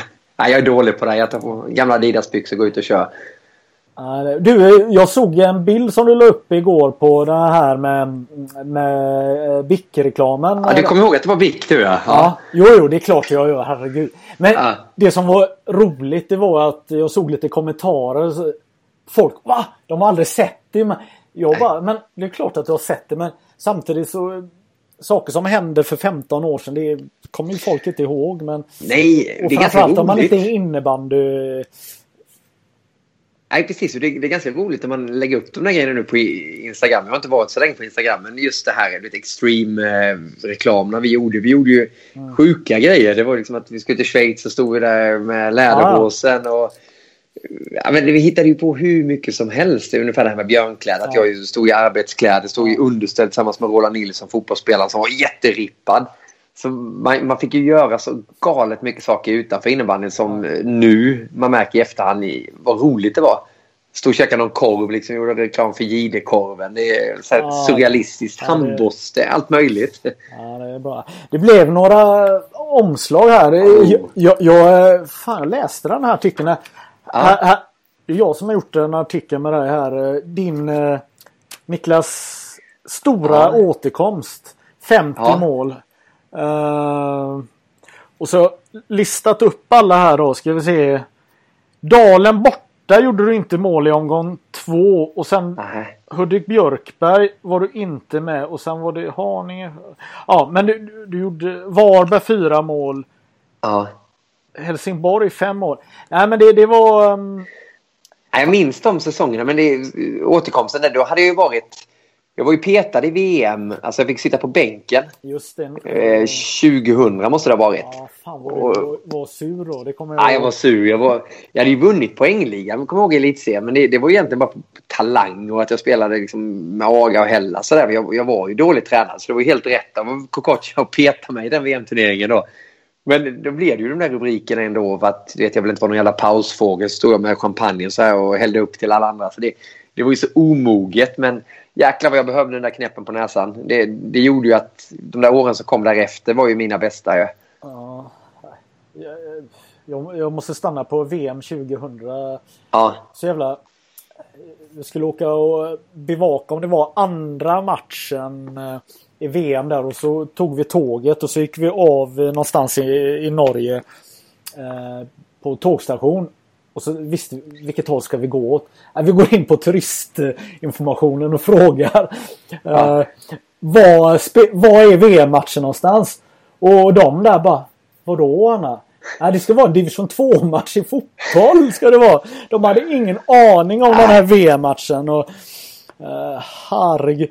Och jag kommer ihåg matchen spelades så fanns det en internetuppkoppling. Men det var i, i, i fotbollens klubbstuga som låg 150 meter från hallen. Där fanns det en, en inter, internetuppkoppling där efter matcherna. Ja. Alltså, så, så, att... Uh, mm. Det är ändå, 20, det är ändå liksom 2000-talet det där. Ja. Nej, det, det hände ju mycket. Det var rätt roligt med VM-turneringar för det var samma gäng som bevakade också alltid. Ja. Samma journalister som åkte runt så att man fick man bara yes nu är det VM igen. Det var ju varannat år också. Ja. Så det var rätt roligt för att vi, det blev ett bra gäng runt det hela också. Så att det var, ja, absolut. Framförallt VM i Finland 2002. Det var ju hur kul som helst. Ja, det är overkligt eh, coolt var det. Ja, där var det drag. För där visste alla vad innebandy Okej, Hartwall Arena dit. Ja. Alltså, det trycket, jag undrar om det har varit i någon innebandymatch någonsin. Det var nej. fenomenalt. Ja, när Janne Teki gjorde han 1-0 eller något där. Ja. När taket lyfte. Ja, det var helt galet. Det var så hås och nu ska vi slå svenskjävlarna och... Exakt. Det var ju upplagt. Nu, nu är det dags. Och så att, jag tror de hade lagt VM-finalen på en lördag också. Mm. Klockan tre eller någonting. Så det var ju inte ens vaktmästaren var väl nykter där i Hattvallet. det, var ju, det var ju helt, helt surrealistiskt ja, också. Det var, det var så mycket sjuka grejer. Men ja, det, var, det, var, det var jävligt grymt. Men det, det är jävligt roligt här när man kollar den här artikeln här, som faktiskt är jäkligt bra här. Men här står det att du... Eh, 33% chans att du fortsätter i Pixbo. Men jag vill bli journalist. Jag ska jobba ja. på radio. Jag ska inte jobba på TV. Ja, det står det? Okej. Okay. Ja, ja, visst. Ja, ja. Men, men det, det, är ändå hint mot AIK här och Lasse Granqvist och så. så att, eh, det kändes nog lite som att det var lite eh, krattat redan då. Ja, jag, kommer, jag kommer ihåg det. Jan-Inge var rätt sur efter den här eh, artikeln. Kommer ihåg. Det var ju alltid lite sådär mellan i och med att Magget då, innebandymagasinet, låg i Göteborg och ni, så var det alltid lite, är vi Magget och Pix på vänner nu eller är man ovänner? Man visste aldrig sådär. Och efter den artikeln kom jag ihåg att Jan-Inge var lite sur. Vad, vad är det här nu då? Vad ska du lämna? Han, för jag menar, jag och Aga, vi blev ju lite hans söner egentligen. Ja. Ni, ni, ska väl aldrig lämna Pixbo? Det, det finns ju inte då. Nej. Så Schweiz, jag var ju bara utlånad till Schweiz egentligen. Det var ju inte ens ett avtal. De köpte ju inte ens mig då. Ja. Så när jag lämnade Schweiz att det blev AIK istället. Det tog Jan-Inge ganska hårt tror jag. För jag var ju på väg. Jag var nästan klar att komma tillbaka egentligen till Göteborg. Ja. Så det, det, det var li, lite... lite... Ja, men du, du gjorde, en, gjorde en Jesper Blomqvist. Eh, eh, i alla fall ur Göteborgs uh, synvinkel. Ja. Att, att man, man, man går inte det, man gör inte det steget. Nej, lite var det så. Det, det hade inte jag tänkt på i och med att jag kom från, från Småland också. Men jag blev ju så förknippad med Pixbo i och med ja. att det hände ju saker med Pixbo ja. under den tiden man var där också. Så jag var ju hemma någon match i Skandinavium också. Där jag tror det var 8000 och tittade en match. Bara spelade jag. Jag vet inte hur jag kom in i, i ligan. Det var väl ingen som trollade på något sätt där. Ja. Eh, så att, och Wallenstam, kommer ihåg, kom fram till mig efter den matchen bara det är klart du ska spela i Pixbo och Wallenstam när du kommer tillbaka också. Det är bara att säga till eh, vad du behöver. Typ då. Så jag var ju tittade på någon lägenhet, jag och eh, Linda då. Eh, när vi skulle flytta hem från Schweiz. Typ ja. någon sån femma på Linnégatan. Något sånt. Så vi hade ju fått jättefina förutsättningar om vi hade flyttat till Göteborg. Och du hade jobbat på Wallenstam idag då eller? Nej, tanken var om jag hade i det erbjudandet så skulle jag jobba heltid för Pixbo. Mm. Dels som spelare men även som, inte marknadsansvarig, men vara med och ungefär som, som vi pratade om att bygga varumärket för ja. Pixbo. Så det var en ja. rätt intressant tjänst. Men eh, Linda var väl ingen så jättehöjda jobb de kunde gräva fram och hon ja. hade ingen koppling till Göteborg heller på den tiden. Nej. Så att det, det var därför det inte blev det helt enkelt. Ja. Så var det kul. Jag behövde någonting nytt också. Men det var ju eh, inom media du ville jobba och uh, verka. Uh, mm. Ja men så var det ju. Jan-Inge hade ju inte de kontakterna som Lasse hade Granqvist. Nej. Nej, Utan där, där, blev det ju så att ja, men du får gå in och, och journalist direkt och då, det lockade ju jäkligt mycket. Jag hade väl kunnat få mycket bättre kontrakt någon annanstans. Jag har fått bättre kontrakt i Pixbo än vad jag fick i AIK till exempel. Ja. Men eh, det var inte riktigt det som, som lockade utan då, då kände jag nu är jag 30 bast. Jag måste börja tänka på framtiden. Och då gick inte komma bättre. Bo i samma hus som Lasse Granqvist och, och börja jobba med media. Det var ju klockrent. Ja. Vad känner du att um att nu är, jag menar du slutar 08, 09 någonting mm. va? Nu, nu har det gått några år. Kan du nu ta in innebandyn och, och prata om det utan att det ska bli känsligt eh, där du befinner dig idag eller hur känner du? Ja, exakt så är det faktiskt. Det är, för tidigare har jag känt och första åren man, jag försöker, försöker liksom kväva innebandyn. Så fort någon började prata innebandy så började jag prata om något annat istället. Ja. För att jag ville bli journalisten. Men, men nu känner jag att ja, men nu, nu kan jag prata. Nu kan jag börja liksom promota innebandyn igen. Jag kan börja säga vad jag tycker och tänker. Jag märkte det med Dalarna igen. Då blir det också ett uppsving. Liksom alla höll på att snacka innebandy med mig igen. Då. Likadant när jag var med i Mästarnas Mästare där för ett antal år sedan. Då var det också bara revival för, för min innebandykarriär. Och det var väl egentligen första gången jag kunde börja prata om det. Ja. Istället liksom att ja, jag är stolt över det jag har gjort och, ja. och verkligen att folk kommer ihåg att och vad fasen, du, du var ju världens bästa innebandyspelare. Vilket jag kanske inte var, men Nej. folk har fått den uppfattningen. Och det, det, är rätt kul ändå att man har lyckats göra någonting som att folk fortfarande ser en som innebandykillen på något sätt. Ändå, att man har gjort mycket bra för sporten. Ja, men exakt. Nej, men eh, vad är det som gör, eh, gör dig till en bra journalist, eh, tycker du då? Eller tror du? Ja, men helt klart, jag skulle säga nyfikenheten. Ja. Att, att, att jag är nyfiken. Ungefär som det du sa innan när du beskrev att du hade alltid tänkt ut någonting som du ville få ut i media. Och det, det är lite så jag tänker nu också när jag jobbar som journalist. Att okej, okay, idag ska vi göra någonting om den här grejen. Om vi till exempel skulle göra Pixbo mot eh, Falun. Då hade jag tänkt ut någonting innan jag hade åkt på den matchen. Att ja. Gått fram kanske ja, men en duell mellan två skyttekungar eller någonting och verkligen tagit reda på någonting och varit nyfiken för att få fram det också så man inte bara hade åkt dit och kollat på matchen och eh, sedan bara gjort någonting på det där. Då. Så att jag, jag, tror att nyfikenheten och att man verkligen vill vara bäst hela tiden. Inte bara gå och göra en sändning i Premier League-studion att aha, idag var det Manchester United mot Sunderland. Utan det ska vara någonting extra. Sitter man där så ska man alltid ge järnet. Och det, det tror jag är innebandyn och min elitkarriär att tacka för. Att man verkligen, jag kände ju det när jag spelade en match fan det sitter en del här som de förväntar sig att 27an, att jag ska göra någonting extra. Jag kan inte bara gå in och kämpa, kämpa. Utan jag måste göra någonting, liksom cool dragning, något knackskott och hela tiden. Jag vill ju hamna i centrum. Och så, ja. så känner jag väl lite i min eh, karriär nu också då att eh, ja, men, är det en sändning då ska det hända någonting extra. Det ska vara jäkligt bra helt enkelt. Ja. För det, om, om jag får... Uh, jag ska inte kasta sten i glashus här. Nej. Men uh, jag tycker ju att eh, jag tycker Patrik är duktig idag som jobbar med, mm. med, med, med innebandy. Men om man ser historiskt sett under de sista tio åren så tycker jag att, att det här studiosnacket och eh, allt snack som har med innebandy i tv är så det är så låg. Eh, alltså hoppar man in en hockeysändning så pratar ni detaljer och det, det är intressant. Mm. Eh, innebandy så är det väldigt mycket bollen är rund hela tiden tycker jag. Det känns som att man, man inte missar någonting. Eh, Nej. Jag, jag förstår vad du menar och, vi känner ju lite så på de kanaler som jag är nu på. Vi har satt hockey, gör vi en NHL-match mellan Detroit och Colorado. Ja, men då kan vi snacka om Gabriel Landeskog i, i Colorado. Att ja, han har en speciell vinkel på sin klubba därför att. Och, och, så kan ju innebandyn definitivt göra. För det du var inne på tidigare när vi pratade här om att ja, men det är inte 275 000 personer som tittar på en match Nej. i SSL. Utan det är snarare 10 000 nu kanske, vilket är en bra siffra då för, ja. för en match i SSL. Ja. Ge dem de 10 000, de är ju superintresserade. Det är ju du som sitter där och tittar som, som kan jättemycket innebandy. Då vill du ju höra nördiga saker. Då måste journalisterna ta det ett steg extra. Då måste man bara, okej, okay, vi gör på den här killen idag så får experterna ta reda på li lite saker om mm. den här personen eller den här tjejen också. Så att de kan komma med någonting och ge dig någonting också så att du tänker på det nästa gång.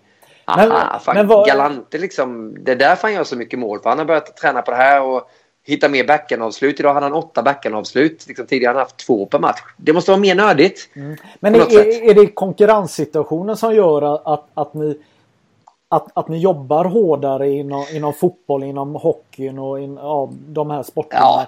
Eh, eller vad? Ja, det är det. Det är definitivt det. Och, och eh, ja, men det, och vi vet att de som sitter och tittar de kan ju sjukt mycket.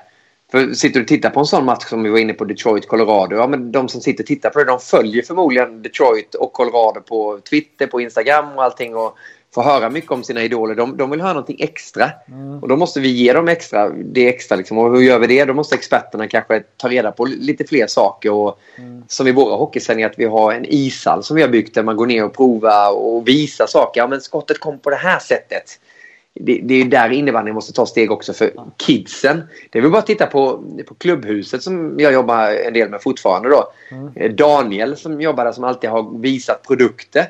Eh, alltså ungarna älskar ju, han är ju, det är väl en av de mest kända innebandypersonerna i Sverige om man skulle visa sig bland alla, bland alla kids mm. i innebandy i Sverige. Och det är för att han har visat och testat saker hela tiden. Och det, Utvecklingen går till det. Man vill se någonting extra. Man vill inte bara höra om eh, hur många mål och assister spelare har gjort. Det är, det är förlegat. Ja. Men du, eh, du har någon andel i klubbhuset eller? Ja, men jag, när jag skrev på med klubbhuset här för, för länge sedan och Aga bara du, du måste sluta Unihoc här. Du måste över till den här klubban nu då. Det, det var ju en jättegrej att, att ta det steget och lämna Unihoc där och då. Och då fick jag 5% i klubbhuset på den tiden. Det är skitlänge sedan. Ja. Eh, och, och sen fick jag ett bra kontrakt också som motsvarade det jag hade ja. med Unihoc och det. Men de här 5 procenten genererar, genererar ju jättebra nu också i och med att klubbhuset går skitbra. Så att jag, jag, tror inte det är många innebandyspelare som har bättre klubbkontrakt än vad jag har fortfarande. Även fast jag inte spelat på, på 11 år. Då. Nej, här är bara att lyfta men det, men det är all respekt till, mm. till det jobbet de gör också. Det är inte bara Magnus och kompani i Göteborg. Utan det har ju spridit sig och blivit hur stort som helst med klubbhuset. Mm. Det är coolt. Men, det, men att, att, att köpa av en, eh, en expert. Jag menar ten, spelar man tennis och älskar tennis så går man ju till en tennisshop. Eller, ja. eller hur? hur ja. Och ja, samma sak med innebandy. Att, uh... Ja, men jag, jag, tror det blir det. Och, och sen framförallt att du köper ju via nätet mycket mer nu. Ja. Och, där, och, då måste du gå in där och kunna få, okej okay, jag är lite sugen på den här klubban, men vad är det som är bra med den? Ja, men då kanske du ser någon film där Danne då har testat den här klubban. Eller mm. man får se, ta någon spelare som är sponsrad av ett märke och visa varför man ska använda just den här klubban där tycker jag att klubbföretagen har varit jäkligt bra innebandy då. Unihockey och de här också som verkligen har tagit de här stegen för att göra coola reklamfilmer och allt sånt för att mm. ge kidsen det här lite mer extra. Ja. Kanske det vi gjorde med reklamen här fast då var vi bara med i innebandymagasinet vilket inte är bara såklart. Men Nej. nu kan du ju verkligen få ut det på Insta och på, på Twitter svinenkelt. Ja. Och det bygger ju spelarna också till stora stjärnor och borde vara ännu större stjärnor än vad de är egentligen. Ja men så är det ju bara titta på. Jag menar du har en son som är, fyller 10 och jag har en som fyller 11 som älskar ja. innebandy. Och, och de vill ju sluka allt och gör ju det. Eh, Precis.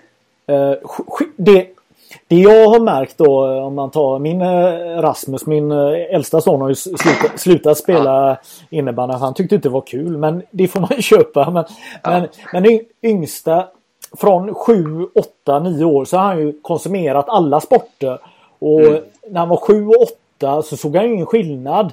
Men kanske de senaste åren så har han ju sett att det är mycket mer statistik i de andra sporterna. Mycket mer klipp och mycket mer av allt ja. denna på något sätt. Och innebandy krävs mer och mer att få reda på vem som är bäst eller ja. och alla de här detaljerna. Och det bekymrar ju en när man vill att en son ska ha intresset för innebandy också då.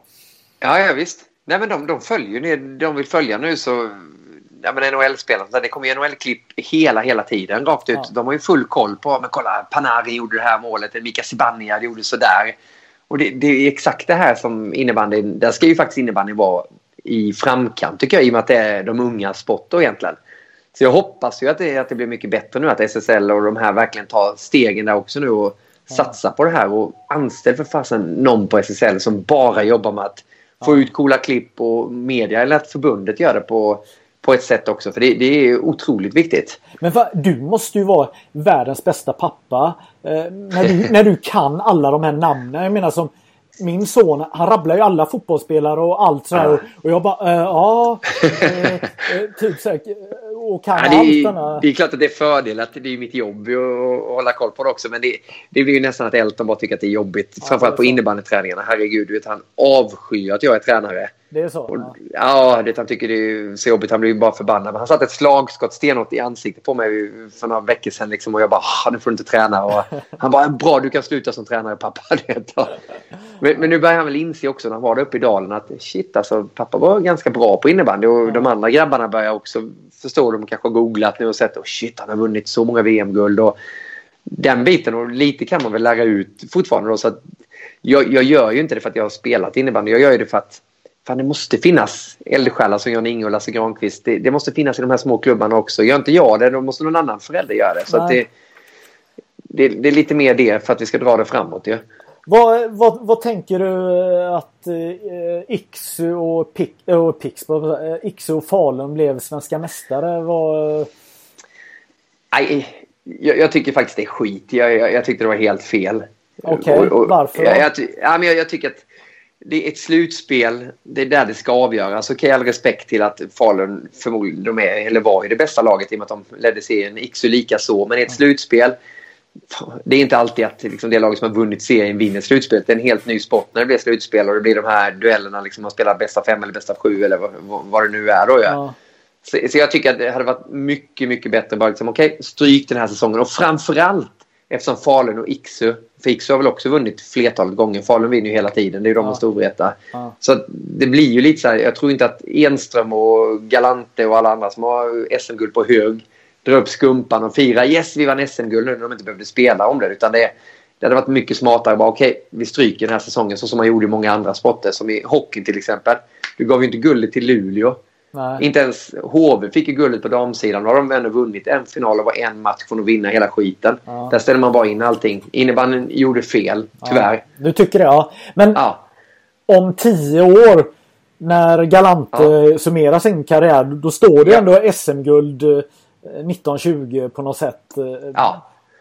Men jag, jag, hade, inte, jag, hade, jag hade aldrig Nej. snackat om det SM-guldet om jag hade fått det. Jag, jag hade nog sagt att äh, men hur många SM-guld vann du i? Äh, men jag vann fyra stycken. Ja, jag hade ja. inte tagit upp det SM-guldet då. För jag tycker, inte, jag tycker inte man har vunnit när man inte vinner ett slutspel. Nej. Men om man skru, skruvar på det och pratar Premier League då. Vad, mm.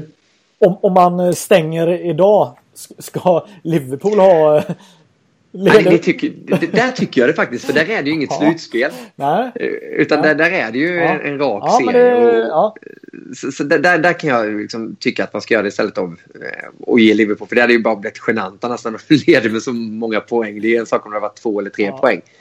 Men herregud, det är, det är så mycket små saker som det här att man skickar ner dalen till Helsingborg när, när corona verkligen har tagit ett grepp om hela världen. Ja. Alltså jag skäms ju som gammal innebandyspelare när det blir sådana här grejer. Ja, man skickar ju ner damerna också. Och damerna så följer man på med det. Man bara, men kom igen, vad hände? Utöka med ett lag istället i så men, fall om det ska vara. Men vad är, är det, är det Lasse Granqvist-spöket som kommer där? Nej, nu följer vi... Nej, men jag, tror inte de tänk, jag, jag tror inte de tänker. Jag tror det blir så här, ja men så här gör vi. Vi ger guldet till dem. Utan det, det måste in mer, mer kompetens helt enkelt. Mer, att man har mer hjärta, mer engagemang i allting. Ja. Jag tror inte någon brinner för det. Ja, men ge guldet till Falun. Men jag tror inte de som har tagit det brinner så jättemycket för det egentligen. Nej. Utan man, man, gör det så enkelt för sig på något sätt. Ja, men vad, vad hade hänt om uh, Luleå hade fått SM-guldet? Alltså det, fansen hade, alla hade...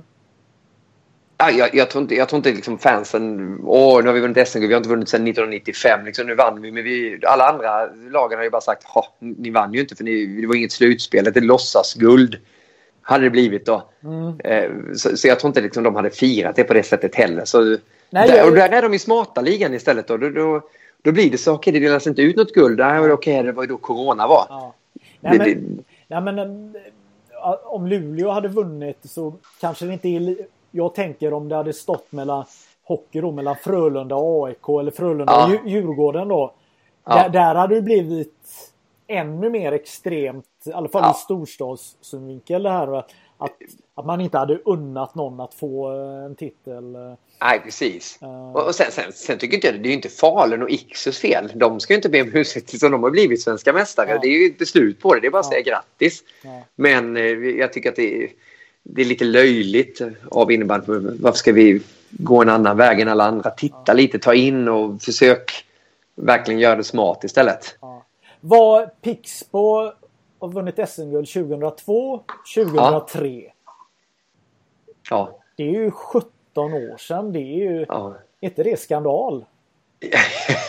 ja men det är det ju. Herregud, AIK har inte vunnit sedan vi vann 2009. Då är de inte ens i högsta. Det är väl också en skandal egentligen. Ja. Kan jag tycka med stort varumärke. Så det, men det, det, är klart med Pixbo med de förutsättningarna också som, som de har. Tycker jag med uppbackningen av Wallenstam ja. och fortfarande av ja. Renew då som, som ett stort företag i innebandyn då. Ja. Så, I mean, jag förstår inte riktigt hur man inte lyckas egentligen när man ändå gör värvningen och är seriös. En sak om man verkligen skär ner på allting och säger att ja, men vi kan inte vara uppe i toppen och konkurrera. Men varför kan Storvreta, varför kan Falunde år efter år efter år? Ja. Det, det, för mig är det väldigt, väldigt märkligt att samma lag då har vunnit sedan vi vann 2009.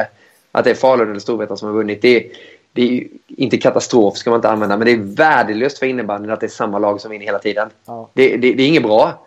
Du behöver ju ha någonting. Oj, nu vann eh, Helsingborg sitt första guld. Det skulle bli en jättebask kring det. Henrik Larsson skulle komma med på guldfesten och mm. det skulle finnas hur mycket som helst att bygga på. Nej, men så, så ser man ju egentligen i alla idrotter. När, när, ett lag vinner för mycket så, så tappar det ju lite. Alltså det, ja. det, det, är ju inte samma sak. Och, eh, finalfesten, alltså Globen, när det är samma supportrar, samma lag, samma ledare år efter år så, så eh, den är... Nej, det, det mjölkas ur lite. Ja. ja.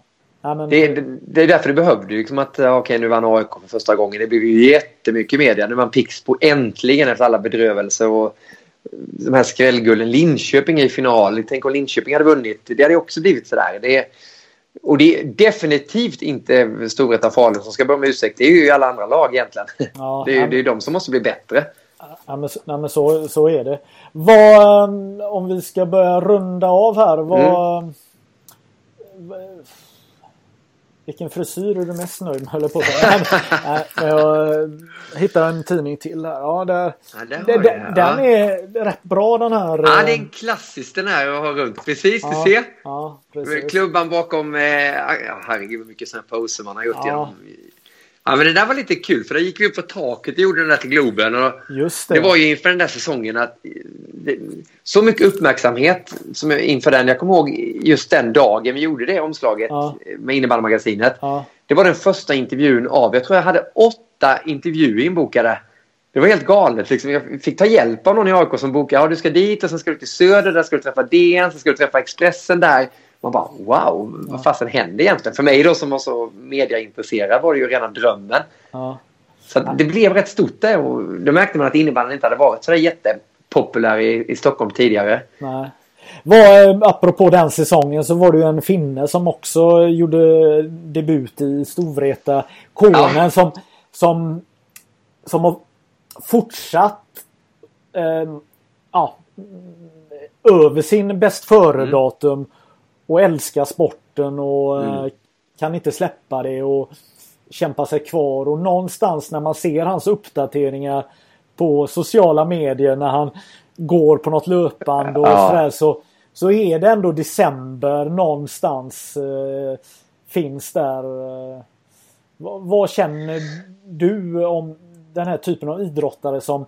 Ja, nej, du beskriver det bra där. Det är, han, Alltså det är superrespekt för honom att man kan älska innebandy så mycket. Sen, sen, sen eh, tänker ju han och jag helt olika som personer. Jag, jag tänkte ju verkligen, ja men vad ska jag göra efter karriären och uh, såg ju det hela tiden. Men Mika tänker ju bara innebandy för att han, han älskar att spela helt enkelt. Ja. Jag, jag tycker också om innebandy men det var inte så att jag ville göra det hela livet och offra allt annat bara för innebandyn utan jag såg ju det här som med journalistdrömmen som en lika stor dröm som att vinna SM-guld i innebandy. Och när jag hade uppnått de här grejerna så kände jag mig klar med innebandy. Jag hade säkert kunnat spela eh, ett antal år till med tanke på att man helt plötsligt började bli bra tränad också då. Men eh, vi, vi är väldigt olika där. Sen kan jag känna att jag jag ville ju avsluta på topp. Jag sa ju det redan inför det sista året, 2009. Det här är mitt sista år. Vi ska vinna SM, Europacupen och VM. Det, det, skulle jag ha sista året då. Ja. Och sen, sen, skulle det vara tack och hej och nu vann vi två utav tre saker. Och sen, sen var det verkligen tack och hej. Okej, vi gjorde comeback i Linköping och sen har det varit så små comebacker då. Men det var verkligen ett avsked från innebandy där i Globen 2009. Och så ville jag ha det. Jag vill inte spela all respekt för Mikael, men jag skulle inte vilja spela när jag känner att jag inte kan vara lika bra som jag en gång var i tiden faktiskt. Nej. Vad, känner man någon form av eh, press också? Att, att, eh, jag ska tända här lite ja, ja, precis, Vad, eh, den är, det är ändå en press att leverera, att alltid... Den släppte ju genom när du slutar så har du inte den här pressen på dig. Var det skönt också på något sätt? Um... Ja, men, den, den pressen, och det är därför jag tror att många spelar vidare. Så att man verkligen vill ha den och kan bidra med mycket. Men jag gick ju direkt från innebandyn till jobbet och, leda direktsändningar. Herregud, jag tror vi gjorde 100 direktsändningar från Hockeyallsvenskan. Säsongen efter jag hade slutat jag gjorde hockey-VM ja. någon månad efter SM-finalen i Globen. Så jag fick ju en ännu större press på mig. Det, helt plötsligt var det ju många, många fler som tittade än ja, det var när jag var innebandyspelare då. Ja.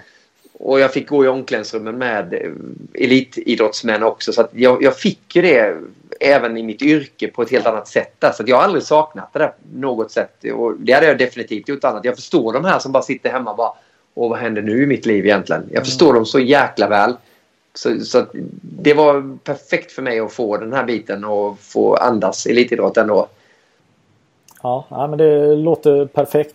Väl ganska bra avslut här också. Jag Uh, får tacka för att du ville vara med i den här första och förhoppningsvis många uh, ja, Underbart! Det här, ja. det här ska du ösa vidare. Du brukar lyckas med dina projekt och det är en ära att få med på omslaget och sen här också. Innebandymagasinet ja. har betytt mycket för mig. Här. Ja, det är kul att höra. Det, det var något som bara kom sådär att när frågan kom skulle du kunna göra det här Anna? Uh, och så ville man ha massa ursäkter för att kanske inte, in, inte göra. Så slänger jag iväg någonting till dig och som alltid Niklas, du bara pang alltid så grym. Och, och någonstans så är det någon form av samarbete och du har ju alltid förstått den här eh, samspelet som krävs för att eh, det ska bli bra för eh, ett media och bli bra för dig. Och i det här läget så kanske det är mer bra för mig än för, för, för dig eftersom du... Ja men här, det, ja, men det ni har gjort för innebandyn och det behövs. Nu, nu är det väl många som går in på innebandymagasinet och, och kollar och läser gissar men herregud det var, det var ju så viktigt när den tidningen kom. Det, det betyder ju så mycket för oss elitspelare också. Jag kommer ihåg på landslagssamlingen. Åh, nya Magget har kommit. Alla skulle kolla. Och när man fick betyg efter matcherna på nätet sen. Det var ju också det första i bussen. Du vet, Daniel Schmidt kunde bara ropa Va? Jag fick bara en tvåa. Jag var ju grym idag. Det, det var... Så, ja. så det ju en stor del av karriären. Och det är lite roligt med det uppslaget du har bakom dig. Den här första sidan Golfpunk. Just om du vänder dig om där. Ja, just det. Där fick jag ett erbjudande av er efter min karriär. Jag kommer ihåg att bli chefredaktör just för den golftidningen. Ja. Just det, ja. Och jag bara, vad ska jag bli chefredaktör för en tidning? Okej, okay, ja. jag gillar golf, men det var ju... ja, just det. Så var det. Ja. Det är så jävla skönt, för, för det, det är massa saker man glömmer av. Jag menar, ja. eh, Andreas Karlsson som är, eh, är med i förbundsstyrelsen och eh, högt eh, uppsatt politiker. Fan, jag ja. praktiserar ju och se denna en vecka nu. Ja just det ja! ja det, det, finns så mycket historia. Ja nej men det... det ja nej men det, kände...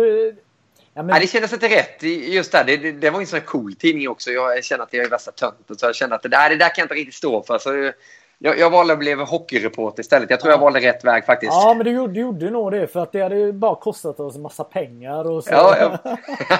ja, men vi, vi hade ju en annan tidning också, 442. Där tänkte vi ju ja. ha eh, Magnus Hedman som uh, chefredaktör. Men han, ja, okay. ja det, det kom och ja. Det kom andra grejer emellan. Sen kom det andra grejer emellan. Men, ja, ja, visst. men ja, så var det golf. Ja, nej men det, det, det, det gäller ju att försöka tänka utanför uh, boxen här. Men, ja, absolut. Men, uh, ja, jag, jag kör på Gide. Startar alltid med Gide här så att... Uh, Bra.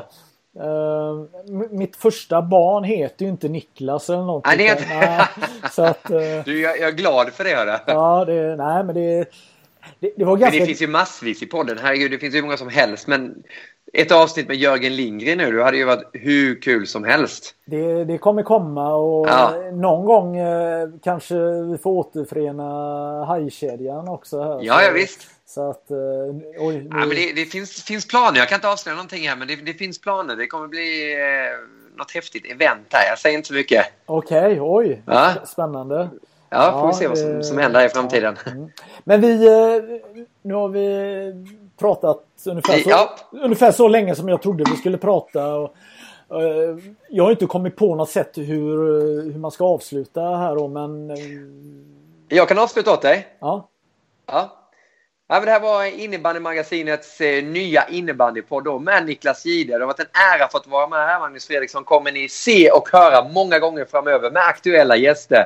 Det är bara att eh, hålla koll på innebandymagasinet så får ni informationen. Tack för att ni har tittat och lyssnat. Kanon. Have catch yourself eating the same flavorless dinner three days in a row? Dreaming of something better? Well, hello fresh is your guilt free dream come true baby. It's me, Gigi Palmer. Let's wake up those taste buds with hot juicy pecan crusted chicken or garlic butter shrimp scampi. Mm. Hello Fresh. Stop dreaming of all the delicious possibilities and dig in at HelloFresh.com. Let's get this dinner party started.